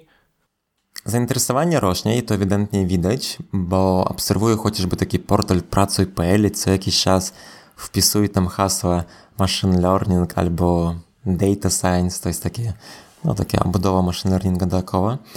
I widać, że ilość e, e, ogłoszeń wzrasta i to czasem wzrasta w sposób układniczy, potem trochę spada, ale generalnie rośnie przez, e, przez ostatni rok, który obserwuję, bo pamiętam jeszcze kiedy tam dwa lata temu bodajże, kiedy sprawdzałem machine learning, to było dosłownie kilka ogłoszeń. Jak teraz piszesz hasło machine learning, to jest bodajże 150, jakoś tak. Na data science jest w ogóle 500 z kawałkiem, więc coś już zaczyna się budzić i też jak e, pytam ludzi, zwłaszcza takich osób bardziej decyzyjnych, to zwykle te osoby wiedzą, że jest uczenie maszynowe, że jest też big data i tak dalej, Natomiast jeszcze nie zawsze są skłonni za zacząć to stosować, bo się boją, bo też to nie jest takie łatwe, żeby znaleźć kogoś, kto w tym pomoże. Też zbudować taki zespół też nie jest proste. Tutaj między innymi też pomagam, bo ja jakoś mniej tu promuję, bo nie mam takiej potrzeby jak na razie, że takim firmom, które boją się zatrudnić zespół, to przychodzę jako taki konsultant, robię prototyp, prototyp i mówię, że no, potencjał w tym problemie jest taki i taki, oszczędzisz tyle i tyle, więc teraz można zbudować zespół. No też taki jest tutaj trik, jeżeli chodzi o budowanie zespołu, że tak naprawdę przekwalifikujemy programistów. Jak pokazuje doświadczenie, całkiem fajnie to się sprawdza. Wiadomo, taki programista nigdy nie będzie ekspertem od statystyki, ale nie musi wcale być ekspertem od statystyki, żeby zacząć to już utrzymywać i też ewentualnie poprawiać pewne, pewne elementy. Czy jest to dużo ekspertów albo specjalistów od uczenia maszynowego? Myślę, że jest trochę więcej, coraz więcej, ale nadal wydaje mi się, że nie jest aż tak wiele. Też na przykład jeżeli chodzi o uczelnie, to dopiero jakoś tak niedawno, może rok, dwa lata temu, dopiero zaczęły się pojawiać w ogóle jakieś takie kierunki podobne do tego stanu, który powinien być. No bo z jednej strony sieci neuronowe dawno już były e, znane i prawie każdy, kto tam studiował informatykę albo coś podobne, to gdzieś tam te sieci neuronowe się pojawiły, ale to było totalnie oderwane od rzeczywistości. Czyli to była taka jakaś teoria kosmiczna, nie wiadomo o czym, ale nie było takich praktycznych zastosowań, że no masz tutaj problem A i rozwiązujesz ten problem używając takie narzędzia, na to zwracasz uwagę i tak dalej, i tak dalej. Więc tutaj z, z specjalistami trochę jest mm, nie tak e, może pięknie jak w innych krajach, chociaż jeżeli chodzi o Stany, tam jest inny problem. Oni mają tak ogromny popyt, że mimo tego, że tych specjalistów jest tam więcej, to też im brakuje. Czyli zdecydowanie jest to y, kierunek, który fajnie obrać w tym momencie, bo na pewno będzie bardzo duże zapotrzebowanie tych specjalistów, no i poza tym jest to bardzo ciekawe. Tak, zgadza się. Ja w ogóle e, robię takie e, prezentacje Programista 2.0. W sumie już po nie zrobię kilka i już chyba skończę, bo trochę chyba już się za, za dużo powtarzam to. I idea tam jest taka, no, ja że... nie widziałem. no właśnie w różnych miastach już podróżowałem, pokazywałem to. Choć, e, a Bogusz, w którym miejscu mieszkasz? W Warszawie. W Warszawie. No w Warszawie byłem już raz czy dwa no, z tą prezentacją. A dobra, nieważne. A powiem w skrócie, w skrócie o, co, o co chodzi. Więc e, programista ten klasyczny albo programista 1.0, no to wiadomo, jakiś język programowania, siedzisz, sam myślisz ten algorytm. Programista 2.0 to jest krok do przodu, gdzie będziemy stosować pewne klocki, które już tam coś za nas robią. I wtedy taki zwykły programista coś tam rzuca na wejściu i ten klocek wypływa coś na wyjściu. No tam logika jest w tym pudle e, schowana i dąży to w kierunku, że coraz bardziej takie powtarzalne prace, coraz bardziej takie e, elementy, które nie wymagają za dużo myślenia, takie zwane, tak zwane krudy, czyli create, read, update, delete, to te rzeczy będą automatyzowane. No, podobnie jak na przykład jest WordPress i teraz jak ktoś potrzebuje blogu, to instaluje sobie tego WordPressa. Więc tutaj podobnie się stanie, że będą pewne funkcjonalności, które ktoś tam przygotował, takim więcej będzie funkcjonować i też jest taki fajny artykuł, jak chcesz, to gdzieś tam możemy podlinkować, gdzie mówi się, że w najbliższe kilka lat full stack developer też będzie zawierał sobie tą umiejętność uczenia maszynowego, chociaż to też nie chodzi o to, że tu będą eksperci od wszystkiego, bardziej chodzi o to, że nie da się jakby nie używać tego, nie stosować. To podobnie jak nie da się teraz pewnie bez, e, program, bez programisty w większości biznesu albo bez e, komórki, to podobnie będzie o uczeniu maszynowym. To już się dzieje teraz, więc jak ktoś zastanawia się, czy wejść w ten temat, teraz jest naprawdę dobry okres, a za kilka lat tam pewnie będzie kolejny jakiś trendy, kto wie, ale teraz jest dobry moment, żeby wstrzelić się w tą niszę. A powiedz mi, czy osoba nietechniczna, mówimy o programistach tutaj często, no ale na pewno słucha nas wiele osób, które no nie są związane z, z programowaniem, czy, czy nie są specjalnie techniczne. Czy taka osoba ma jakąś szansę w, jakby w uczeniu maszynowym sztucznej inteligencji? Data science? W ogóle to jest kilka ciekawych rzeczy, które chcę powiedzieć, jak zadałeś to pytanie. Po pierwsze, kiedyś spotkałem się na konferencji z takim zdaniem, że uczenie maszynowe, sieci neuronowe, to wszystko dookoła przez dłuższy czas było zdominowane przez matematyków.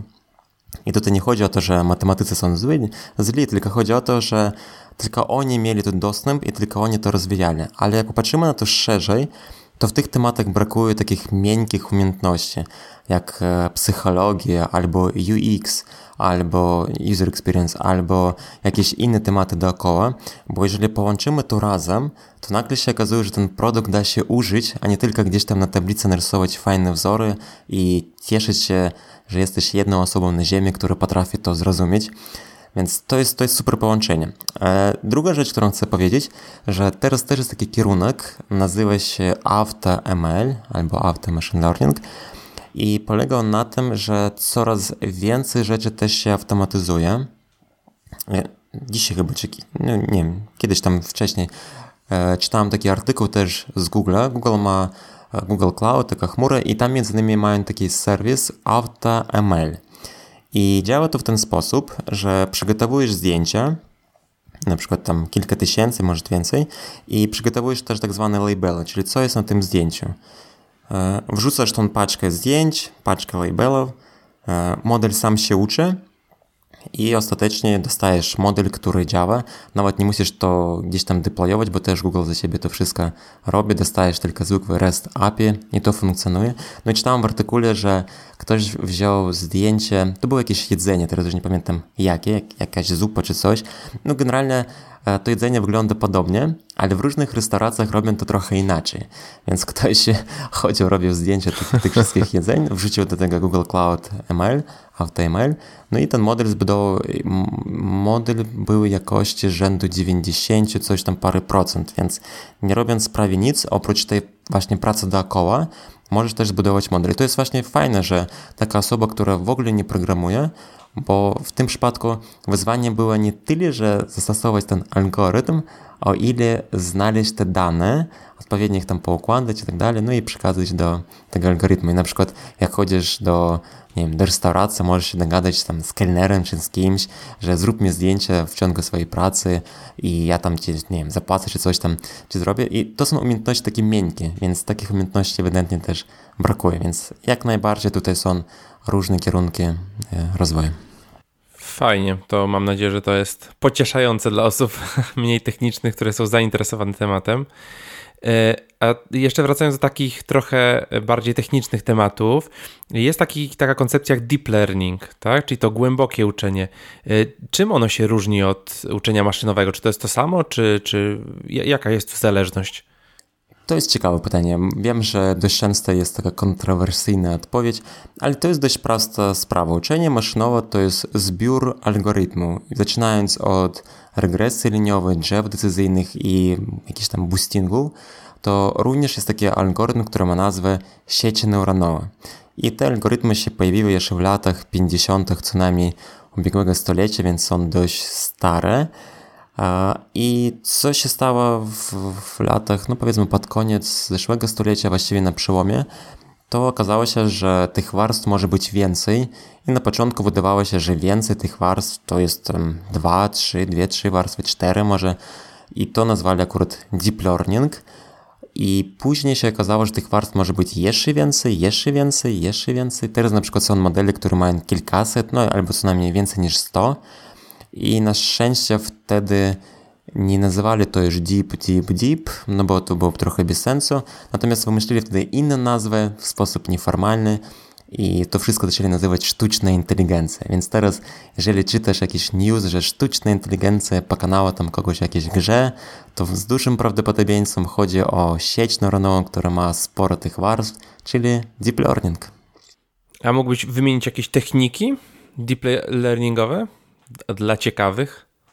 No ja myślę, że tutaj, jeżeli chodzi o deep learning, to przede wszystkim ilość warstw, natomiast te mhm, sieci są, mhm. są różne. Są na przykład e, tak zwany perceptron wielowarstwowy, z tego zwykle się zaczyna, ale ten perceptron wielowarstwowy jest taki on jest fajny, jeżeli chodzi o końcówkę interpretacji wynika, natomiast jeżeli chodzi o analizę zdjęć, jest e, mało praktyczny, bo tam pojawia się zbyt duże wag albo tych liczb, które trzeba dobrać. No na przykład rzędu 100 milionów liczb. To jest dość duże i bardzo łatwo się przyuczyć. I zwykle, jeżeli mówimy o analizie zdjęć, klasyfikacji zdjęć, to stosuje się sieci konwolucyjne. To sieci konwolucyjne to jest takie okienko, jak pewnie ktoś się bawi zdjęciami, to wie, że można taki, zbudować sobie taki filtr.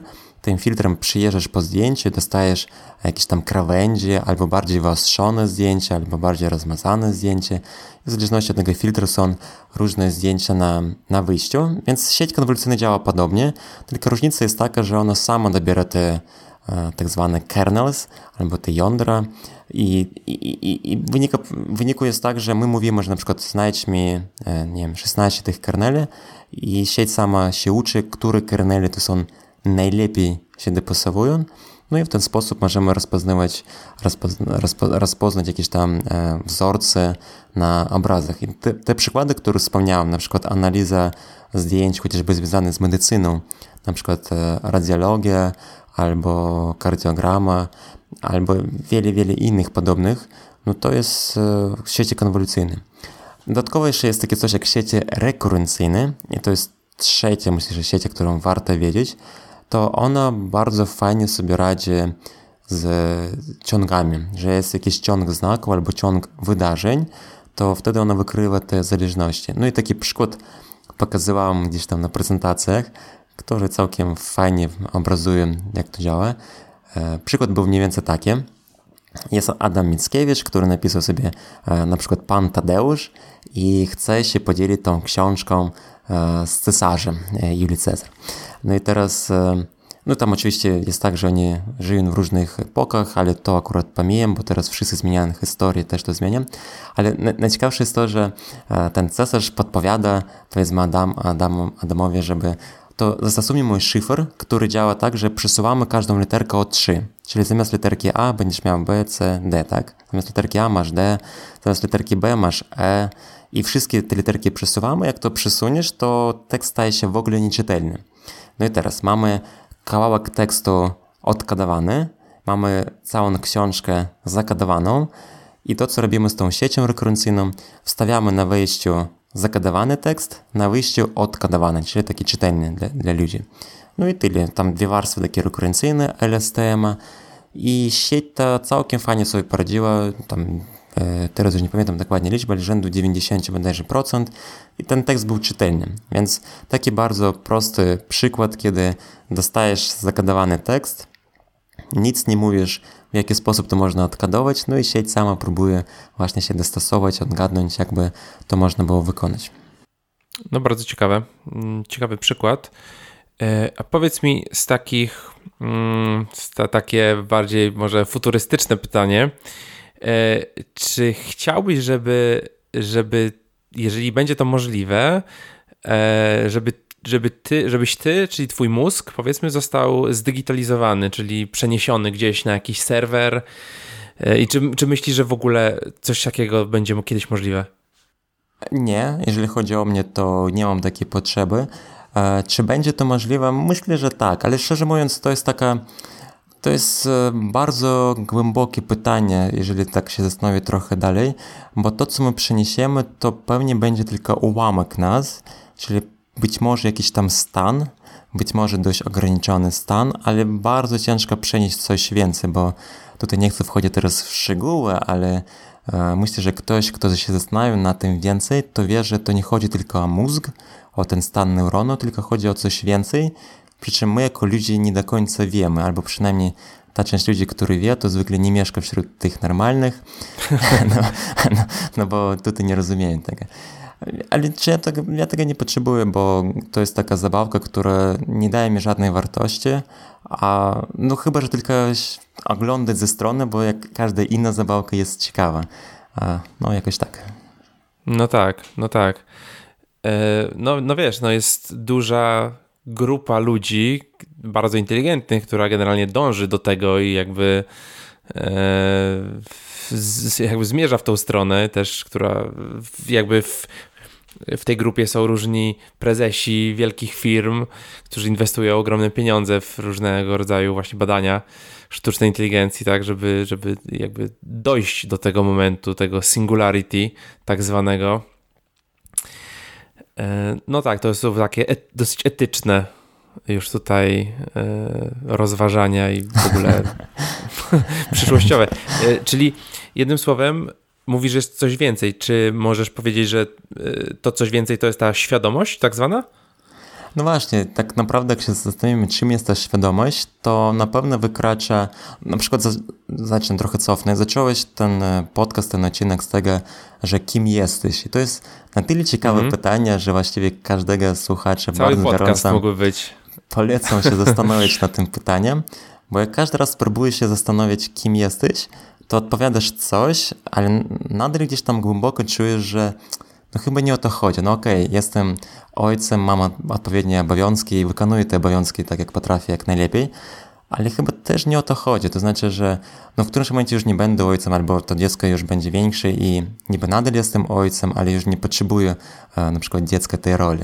To kim wtedy jestem? Dziadkiem? No, jakoś tak trochę takie powierzchowe to jest i i ja gdzieś tam głęboko wierzę, że my to doświadczenie gromadzimy gdzieś w innym miejscu, nie wiem dokładnie gdzie, gdzieś mamy jakiś hardware i ten hardware na pewno nie jest w naszym mózgu, raczej to jest e, takie połączenie z tym hardwarem. Jak to jest do końca, kto wie, ja na razie badam ten temat. A myślisz, że maszyna może osiągnąć taki stan kiedykolwiek?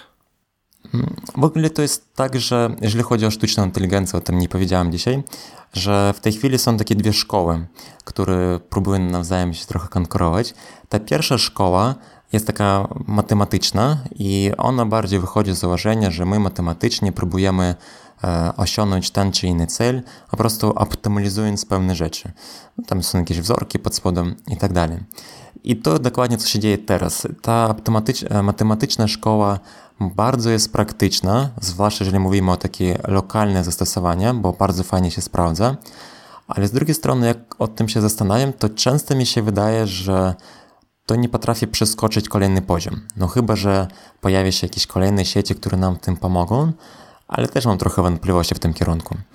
Istnieje ta druga szkoła, która podchodzi trochę inaczej do problemu i mówi, że no dobra, to załóżmy, że my jesteśmy bardzo ograniczeni i ktoś, kto nas stworzył, jest bardziej mądrzejszy, to skopiujmy po prostu, jak to zwykle się robi, helikoptery i wiele, wiele innych rzeczy, to zwykle się wzoruje na natury, przyrodę, no i się kopiuje. No i teraz są pewne projekty, które próbując skopiować mózg e, człowieka, czyli odtworzyć te wszystkie neurony, te wszystkie połączenia, e, jeden z projektów to jest e, Blue Brain Project w Szwajcarii jest prowadzony, oni mają bardzo ambitne plany w 2025 czy tam którymś roku mają plan, że potrafią zasymulować właśnie mózg w całości, te wszystkie neurony, jakoś tam wszystko połączyć. Trochę te terminy się poprzesuwały. No i ten kierunek jest znacznie bardziej ograniczony, jeżeli chodzi o takie praktyczne podejście, bo nikt na tym jeszcze na pewno nie zarabia. Natomiast jak o tym rozważam, to wydaje mi się, że jest tam taka okienka, znaczy my nie do końca zrozumiemy, co zrobimy, ale może po prostu dostaniemy się do czegoś, co może coś ciekawego uzyskać. Też nie wiem, co to jest, ale po prostu chodzi o to, że jak zaczynamy kopiować rzeczy, które działają, to jest szansa, że nam też się uda. No właśnie, ty tak e, słyszę, że jesteś dosyć pragmatycznie e, tutaj, e, no nie jesteś jakimś takim wielkim optymistą, że za 5 lat już będzie jakby ta general intelligence, tak? Myślisz, że raczej to jednak będzie się w czasie trochę odsuwało. No ale spójrzmy właśnie na to Alpha, AlphaGo, tak? No eksperci jakby przewidywali, że 10-20 lat jeszcze ta gra nie zostanie w ogóle złamana, a tu nagle to prawda, jeżeli chodzi o AlphaGo, to było wielkie zaskoczenie. Też jak mówiłem właśnie e, z tą intuicją tam było najtrudniejsze, bo ciężko było wymyślić jak to zrobić. Ale z drugiej strony, jak na tym się zastanowisz, co dokładnie zostało zrobione, to nadal obracamy się w bardzo wąskim e, temacie, który nadal jest dość logicznym I mimo tego, że człowiek wcześniej nie mógł wyjaśnić, na przykład jak ocenić ten stan, który jest teraz, to w jaki sposób oni to wycenili? Po prostu popatrzyli na bardzo dużą ilość gier i wiedzieli, że jak stan gry jest taki, no to zwykle przegrasz, a jak taki, no to wygrasz. No i w ten sposób przez ilość danych, dużą ilość danych, które mieli, zebrali to w całości, no i doprowadzili to do, tak, do, do takiej normalnej logiki, tak dużo upraszczając. Ale z, z, drugiej strony, jak pomyślimy o wiele takich różnych zastosowań dookoła, to tam nie tylko chodzi o logikę, na przykład emocje, psychologię, tam jest wiele tematów, które na pewno są nielogiczne, ale są bardzo ważnym aspektem naszego życia. Więc tak trochę podsumowując, jak ja to widzę e, z tej perspektywy na dzień dzisiejszy, bo ono też się zmienia, bo ciągle się uczę, ale na dzień dzisiejszy e, tak z pewnością widać, że ta wąska inteligencja na pewno zrobi tą rewolucję w świecie i to, że ludzie będą tracić pracę i tak dalej, to przez tą wąską inteligencję, bo ona tyle będzie dobra w pewnych aspektach, że człowiek nie będzie już potrzebny. Natomiast czy uda się osiągnąć tak szybko ten poziom taki ogólny, że będzie taka jedna maszyna, która potrafi e, w taki bardzo fajny sposób się tutaj e, komunikować i posługiwać się różnymi umiejętnościami, no to jest wyzwanie. Podam Ci taki przykład. U mnie za oknem e, buduje się teraz taki biurowiec. I teraz oni tam fundamenty jakieś robią, takie rzeczy i taka koparka siebie tam cały czas tam coś weźmie ten piach w lewo, w prawo, mhm. w lewo, w prawo. Ja sobie patrzę i myślę, no to jest ewidentnie przykład, przypadek, przypadek, który trzeba zautomatyzować i tutaj nie widzę dużego wyzwania, żeby zrobić to dzisiaj nawet. Ale potem się okazało, że było takie miejsce, taki, taki zakącik, które było tak bardzo ostrożnie wjechać i tam, żeby nic nie zepsuć, wyciągnąć tam jeszcze kawałek tego piachu. I tu się zastanawiam, no właśnie, tutaj właśnie w tym zakąciku może być problem, pewnie też się da, ale właśnie na takich stykach to tutaj człowiek czasem jest potrzebny. Ale w większości przypadków, jeżeli patrzymy na, na tą budowlę albo wiele innych zastosowań, wiele innych e, aspektów naszego życia, to już nawet teraz możemy e, być gotowi na to, że komputery będą przyjmować tutaj pewną rolę, więc pod tym względem raczej jestem pewny, że takie rzeczy się staną. Oczywiście to nie 5 lat, to pewnie zajmie 10, może 15 lat. Natomiast e, z tą ogólną inteligencją, no zobaczymy, to wszystko, to szybko się zmienia. Świat zmienia się szybciej niż myślisz. Dokładnie. E, powiedz mi, jak e, dzisiaj chciałbym zacząć uczyć się o sztucznej inteligencji, uczeniu maszynowym, e, jak miałbym zacząć naukę? Czy mam iść na kurs, czy mam coś czytać? Jak ty byś polecał dla nowicjusza? To bardzo zależy, jaki cel chcemy osiągnąć, bo jeżeli ktoś chce osiągnąć cel, że no chce... ja się chcę przenieść do tej chmury za kilka lat już, no to wiesz. no to brzmi dość praktycznie, czyli chcesz rozwiązać problem, no to wtedy trzeba się skupić bardzo na praktykie. Teraz jest taki fajny okres, kiedy jest dość dużo różnych kursów, też książek, natomiast tego, co ja obserwuję z własnego doświadczenia, to jest wiele osób, które przerobili dużo różnych książek, czasem potrafią się nieźle wypowiadać na różne tematy, że sam potrafię się zgubić, o czym oni mówią, ale jak powiesz tej osobie, no dobra, to w jaki sposób rozwiążesz na przykład ten problem? No i ta osoba się nie wie, nie wie co powiedzieć, bo, bo ma tak dużo tej teorii, że nawet nie wie jak to zastosować. I tutaj właśnie jest ten clue. Najważniejsze jest ta praktyka i bardzo gorąco polecam, mm -hmm. zamiast tego, żeby się skupić na tych kursach, tych wszystkich książkach, bo tego materiału naprawdę jest teraz dużo. Nawet nie potrafimy tego wszystkiego przeczytać przeglądy.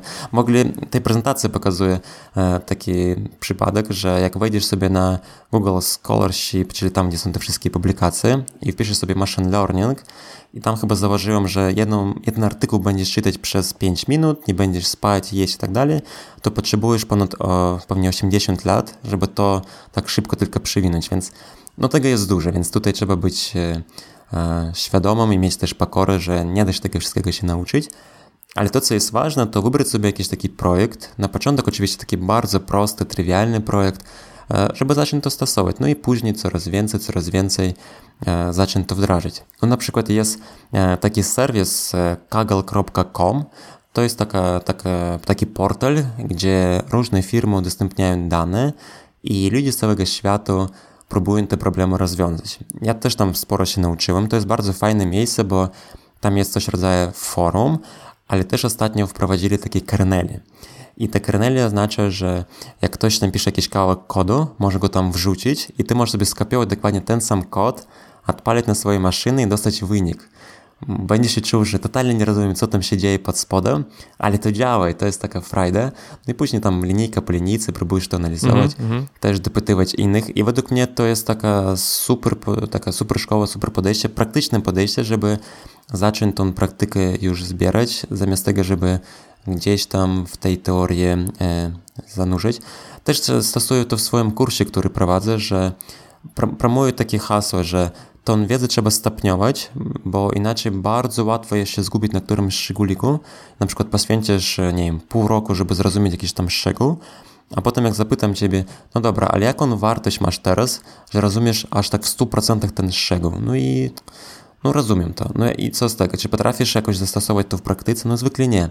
I to jest taki też ciekawy przypadek, jeżeli chodzi o uczenie maszynowe, a w szczególności jeżeli chodzi o deep learning, to świat akademicki jest bardzo do tyłu niż ten świat praktyczny. I, no bo jak to działa? Po prostu taki inżynier sobie siada i myśli, no dobra, to spróbuję tu, spróbuję, o, to działa, no dobra, to biorę to. No i później e, właśnie w teorii trzeba to podciągać, no i są dość mocno do tyłu. Spróbuję teraz jakoś tam nadrobić, ale to też, e, żeby była świadomość, że nie zawsze chodzi o to, żeby oleć coś, tylko po prostu tak to się rozwija. Ale najciekawsze jest to, że no dobra, na przykład ja wiem, że trzeba zastosować to czy tamto, jak na przykład inicjalizacja wag i później na przykład e, ktoś tam udowodnił tak bardzo fachowo, naukowo, dlaczego akurat to działa. No i sobie wracasz do takiej publikacji, czytasz, myślisz, no okej, okay, fajnie, w sumie i tak wiedziałem, że trzeba to zastosować, teraz mogę się dowiedzieć, czemu to akurat tak trzeba zastosować. No i problem jest z tym, że żeby zrozumieć tą publikację, to musisz spędzić co najmniej kilka wieczorów, jeżeli jesteś super dobry z matematyki i z czytania takich publikacji, albo nawet kilka miesięcy, żeby to zrozumieć. No i pojawia się pytanie, czy ja to naprawdę potrzebuję teraz? Bo teraz jest tak dużo różnych problemów do rozwiązania. Być może oczywiście warto tą wiedzę zgłębiać z czasem, ale jeżeli zacznę czytać jakieś szczegóły, to na pewno w tym wszystkim się pogubię. Więc bardzo gorąco polecam zacząć właśnie z góry i jak najmniej rozumieć na początek, a potem stopniowo, stopniowo tą wiedzę zbierać po kawałku, no i też zbierać tą wiedzę, którą faktycznie potrzebujesz na dzisiaj. Nie taką, którą potrzebujesz na jutro, tylko na dzisiaj. E, wspomniałeś o, o swoim kursie. E, gdzie go można znaleźć i czego się można z niego nauczyć? Tak, prowadzę kurs, to jest strona dostępna pod adresem dataworkshop.eu. Teraz jest druga edycja. Mm, kurs trwa przez 8 tygodni, tam jest 8 modułów, czyli e, jeden moduł w tygodniu. Jest zbudowany w taki sposób, żeby w miarę łatwo było wejść do tematyki i idea jest taka, że na pierwszym, już w pierwszym module rozwiązujemy konkretny problem, który jest trywialny, prosty, ale jest ta satysfakcja też czuć wartość. E, problem, polega na, problem jest następujący. Załóżmy, że e, zbierasz listę maili i imię. Prawdopodobnie masz te, też taką listę. Wszyscy, mhm, kto pewnie. gdzieś blogi, e-commerce i tak dalej mają. Ale na przykład nie masz informacji, jakiej płci jest ten człowiek. Czyli masz na przykład tysiąc albo kilka tysięcy maili, no i nie masz to jest informacji, czy to jest kobieta, czy to jest mężczyzna. No teraz, ale pewnie chciałbyś to mieć. Dlaczego? No bo okazuje się, że jak posegmentujesz e, w tak prosty sposób, to możesz sobie lepiej doprecyzować te komunikaty e, i, i inne słowa. To też zależy oczywiście od e, dziedziny, w której obracamy się, ale generalnie wiadomo, jaki język bardziej lubią kobiety, jaki język bardziej lubią Jasne. faceci i można to dobrać. Jak to możemy zrobić? Otóż piszemy bardzo prosty, trywialny model, który no, jest naprawdę, jak wiesz jak to zrobić, to 5-10 minut i już masz taki model i masz e, jakość modelu rzędu 97% i przypuszczasz imię przez ten model, no i dostajesz informację, czy to jest kobieta, czy to jest mężczyzna. No i takie, takie rzeczy robimy. I to, to jest pierwsze zadanie, które ludzie robią. No a później krok po kroku próbujemy to bardziej e, dołożyć kolejne cegiełki.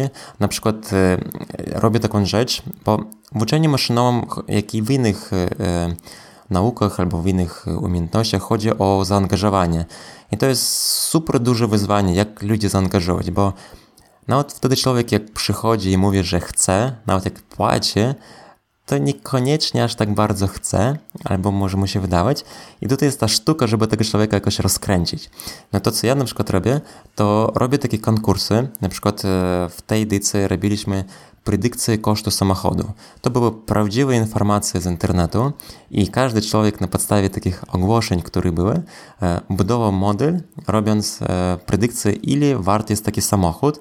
No i teraz, mając taki model, to możesz sobie odfiltrować to ogłoszenie i znaleźć takie samochody, które kosztują czemuś taniej, na przykład jest ogłoszeń pewnie 10 tysięcy, może nawet 100 tysięcy, bardzo szybko odfiltrowujesz na przykład 100 samochodów, które kosztują znacznie taniej niż powinny i takie, które Cię interesują.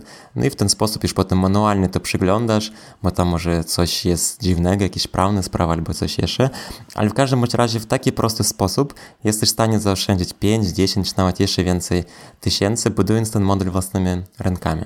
Też na przykład e, w tej drugiej części skupiamy się o deep learningu, no i tam rozwiązujemy takie zdanie jak rozpoznawanie znaków drogowych. Na pierwszy rzut oka problem wydaje się bardzo skomplikowany, ale po kursie każdy wie, że to jest problem dość trywialny, albo rozpoznawanie terenu e, zdjęć satelitarnych. Tam jest taki teren, taka siatka, to mhm. chodzi o Amazonię akurat, no i tam jest las, e, e, rzeka, droga. Tam w ogóle bardzo fajny cel jest, bo to na Amazonie cały czas wycinają te drzewa no i fajnie by było jakoś monitorować ten stan, tylko jak to monitorować? Dość ciężka sprawa, bo las na szczęście jeszcze nadal jest nie takie małe i po prostu patrząc z satelit i wykrywając, że tutaj akurat był wcześniej las, a teraz w tym kwadraciku dzieje się coś dziwnego, więc warto tam jakoś e, zacząć to sprawdzać. Wow, cel, takie cel zadania bar... skomplikowane. Tak, i pokazuje takie... Tak jest, tak jest. I tam właśnie pokazuje, w jaki sposób można zastosować na przykład transfer wiedzy, e, żeby ten problem rozwiązać, bo okazuje się, że stosując już gotowe rzeczy, dokładając tylko swoją kreatywność, nagle okazuje się, że możemy takie zdanie też rozwiązywać. No, brzmi bardzo ciekawie. E, a powiedz mi, czy do kursu można dołączyć w każdym momencie, czy to jest tylko tak sezonowo? To jest sezonowa, bo tak naprawdę bardzo mi zależy na tym, żeby było to zaangażowanie i była to aktywność, bo oprócz materiału, który dostarczam, też przygotowuję środowisko, na którym wszystko jest zainstalowane i taka osoba, kiedy się dołącza, to on ma już wszystko. To wszystko jest dostępne dla tej osoby z przeglądarki, bo stosujemy takie narzędzie o nazwie Jupyter, Jupyter Notebook i to wpisujesz sobie taki adres e, do przeglądarki i tam masz takie komórki. W tych komórkach możesz wpisać kod, też możesz wpisać sobie komentarz i to odpalisz i to odpali się na serwerze. Czemu akurat tak? Bo e, z tymi instalacjami to na początek może być trochę trudne, bo są pewne zależności i ja prowadziłem sporo różnych warsztatów i wiem, że zawsze te problemy były, więc wziąłem tę odpowiedzialność na siebie. Druga rzecz, czemu to jest sezonowa, bo mamy Slack i tam jest ta komunikacja. No i cały czas po prostu pomagamy nawzajem. Jak ktoś e, czegoś nie wie, to pyta. I też co jest fajne, to nie tylko chodzi o to, że ja odpowiadam, tylko każdy się wkręca i próbuje jakoś nawzajem pomagać, więc albo konkurs, bo konkurs jest e, element rywalizacji, też jest dość istotny.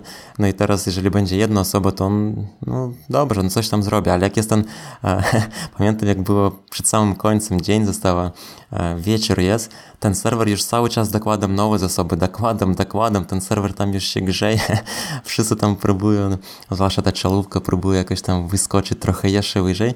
No i to jest, to jest taka zabawa i wierzę, że takie podejście jest zdecydowanie bardziej praktyczne e, i raczej tego będę się trzymał. Kolejną edycję chcę zrobić na jesień, ale też rozwa rozważam, bo kilka osób mi pytało, czy jest możliwość zrobić tak prywatnie jeszcze. I tak, taki już robiłem eksperyment raz. Myślę, że gdzieś tam pewnie też to będzie się wydarzało, ale to raczej są takie wyjątki. Aha, fajnie. E, słyszałem jeszcze, że pracowałeś, czy pracujesz nad książką. Nie wiem, czy to dalej jest aktualny temat? Z książką była ciekawa historia, bo ja powiedziałem, że chcę zrobić tą książkę e, o uczeniu maszynowym po ludzku i później pomyślałem, chyba chcę zatrzymać się na chwilę i lepiej zrobić kurs, a lepiej przetrować kilka razy i to była całkiem fajna decyzja.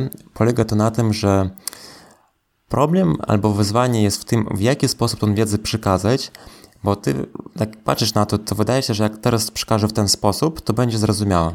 A na kursie widać, że na przykład jak przekazuję w ten sposób, to okazuje się, że ludzie na przykład nie rozumieją to czy tamte. I po pierwszej edycji ja zrobiłem takie e, retrospekcje, pomyślałem, dobra, tutaj zmienię trochę coś, tutaj dodam więcej przykładów. I już w drugiej edycji były trochę inne pytania, troszkę bardziej zaawansowane. Więc dla mnie wniosek był taki, ok, to chyba ja już zrozumiałem, jak najlepiej wyjaśnić ten aspekt, ale teraz muszę zrozumieć, jak wyjaśnić ten inny troszkę aspekt. I myślę, że po jakimś tam czasie uznam, że ok, teraz już, e, bo, bo ten proces może być nieskończony, bo też trzeba być realistą, bo zawsze ktoś tam będzie zadawać pytania, ale to do czego dążę, żeby poczuć taki moment, że w tej chwili czuję, że większość osób, które przeczyta tą książkę, na pewno to zrozumie. No, jeżeli nie zrozumie, to no, no trudno, bo nie każdy potrafi zrozumieć każdego, ale przynajmniej chcą tą funkcję maksymalizować, żeby stopień zrozumienia tej książki był prawie że stuprocentny. Tu też wchodzi mój trochę idealista, który ciągle ze mną walczy, ja z nim, no jakoś próbujemy no tak. E, dobra, tak zbliżając się już e, powoli, powoli do końca, e, jeszcze chciałem Cię zapytać o Twój podcast, bo prowadzisz podcast, który zajmuje się stricte sztuczną inteligencją, także na pewno będzie cenny dla osób, które są tym tematem zainteresowane. Możesz powiedzieć, co, co sprawiło, że zacząłeś nagrywać? Tak, prowadzę podcast Biznes Myślę. On się skupia o sztucznej inteligencji, ale też staram się dotykać takie tematy, które gdzieś tam wewnątrz mnie e, są mega ważne. Takie tematy, żeby rozważyć dokąd idziemy, zwłaszcza dla osób decyzyjnych, które mają na to wpływ, bo wydaje mi się, że dość często gdzieś tam to jest pomijane. Albo nawet dla wykonawców zadań.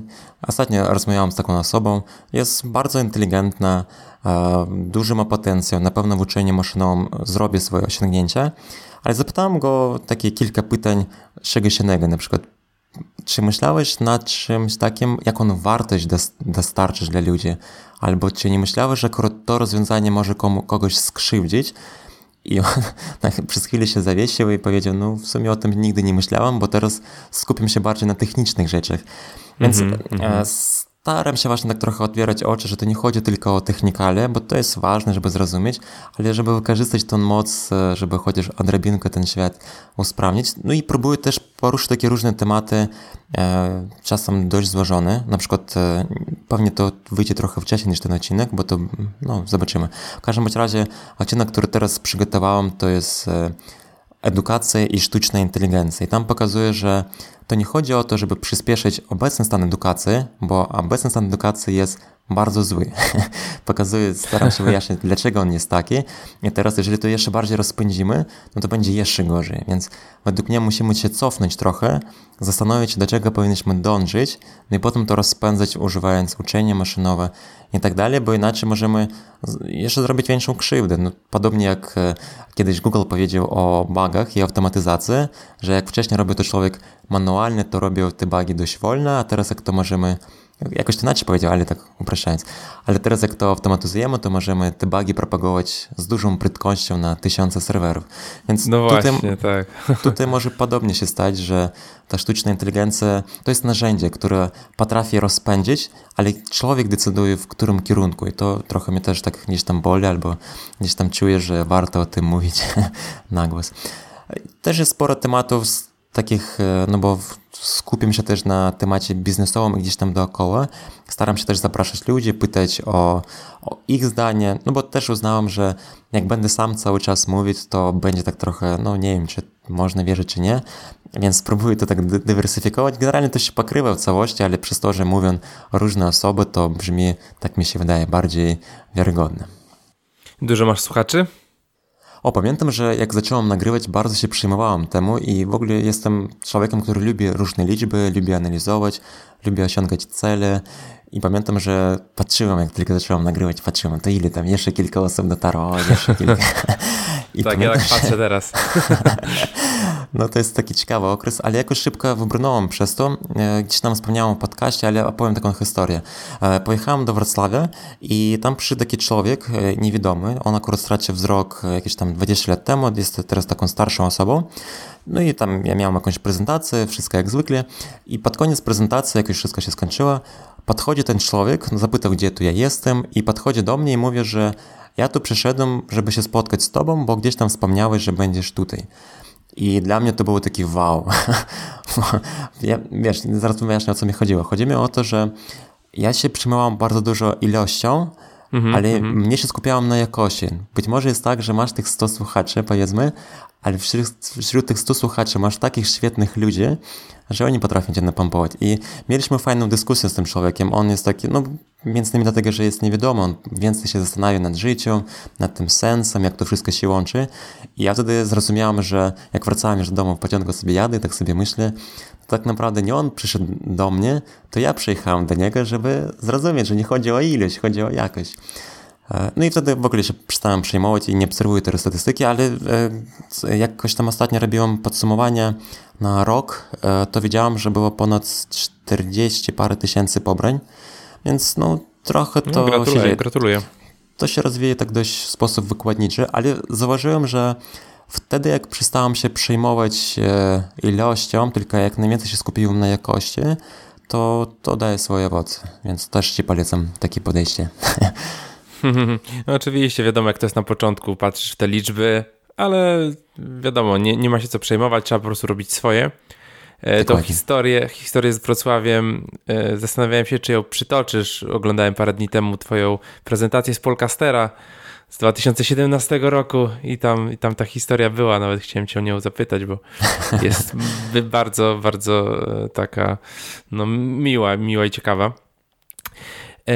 Okej, okay, już tak na koniec. Chciałem Cię zapytać, czy chciałbyś coś przekazać naszym słuchaczom? Myśl, jakąś, jakieś pytanie, podsumowanie, no cokolwiek, co Ci przychodzi do głowy. Chciałbym przekazać taką jedną, bardzo prostą myśl, a właściwie pytanie. Drogi słuchaczu, słuchaczka, postaraj się odpowiedzieć na pytanie, kim jesteś?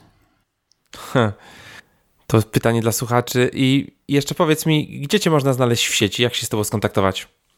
Jest kilka stron, proponuję zacząć albo biznesmyśli.pl, tam jest podcast, albo dataworkshop.eu, tam jest kurs. Również jestem dostępny na LinkedInie, na Twitterze, na Facebooku. Staram się odpowiadać, jak ktoś mnie pisze, to zawsze staram się komuś e, udzielić najlepszą odpowiedź, którą potrafię, no chyba, że to jakiś spam, to wtedy zwykle ignoruję. E, też mam pewne opóźnienia, to proszę też zrozumieć, że mam wiele rzeczy na głowie, ale staram się odpowiadać na pytania, zwłaszcza jeżeli ktoś mnie pyta o takie jakieś rzeczy ciekawe, to znaczy komuś coś trzeba pomóc, jakieś takie życiowe rzeczy, to wtedy jest priorytet numer jeden, bo myślę, że zawsze warto pomóc, to jakoś tam wraca. Dzięki za odpowiedź. No i dziękuję Ci serdecznie jeszcze raz za przyjęcie zaproszenia. E, myślę, że ten temat jest bardzo, bardzo ciekawy i na pewno e, warto też, e, jak komuś, jak ktoś jest zainteresowany, warto sprawdzić podcast Biznes Myśli, gdzie można dowiedzieć się więcej. No i co? To wszystko na dzisiaj. Wladimir, dzięki serdeczne i do usłyszenia. Dziękuję Ci bardzo, że zaprosiłeś i miałem okazję się podzielić tym swoim przemyśleniem na ten świat. Dziękuję. Do zobaczenia. Wow, niesamowita dawka wiedzy. Wladimir, dziękuję jeszcze raz za tą długą i inspirującą rozmowę. Myślę, że może poruszyć ona wyobraźnię wielu osób. A Tobie, drugi słuchaczu, y, mam nadzieję, że się podobało. Jeżeli tak, podziel się linkiem do tego odcinka w social mediach. Myślę, że warto jest dzielić się taką, taką wiedzą. Jak zwykle notatki do odcinka e, znajdziesz pod adresem startupmyway.com ukośnik 6, tak jak szósty odcinek. E, a tymczasem kończymy. Dzięki i do usłyszenia w kolejnym odcinku.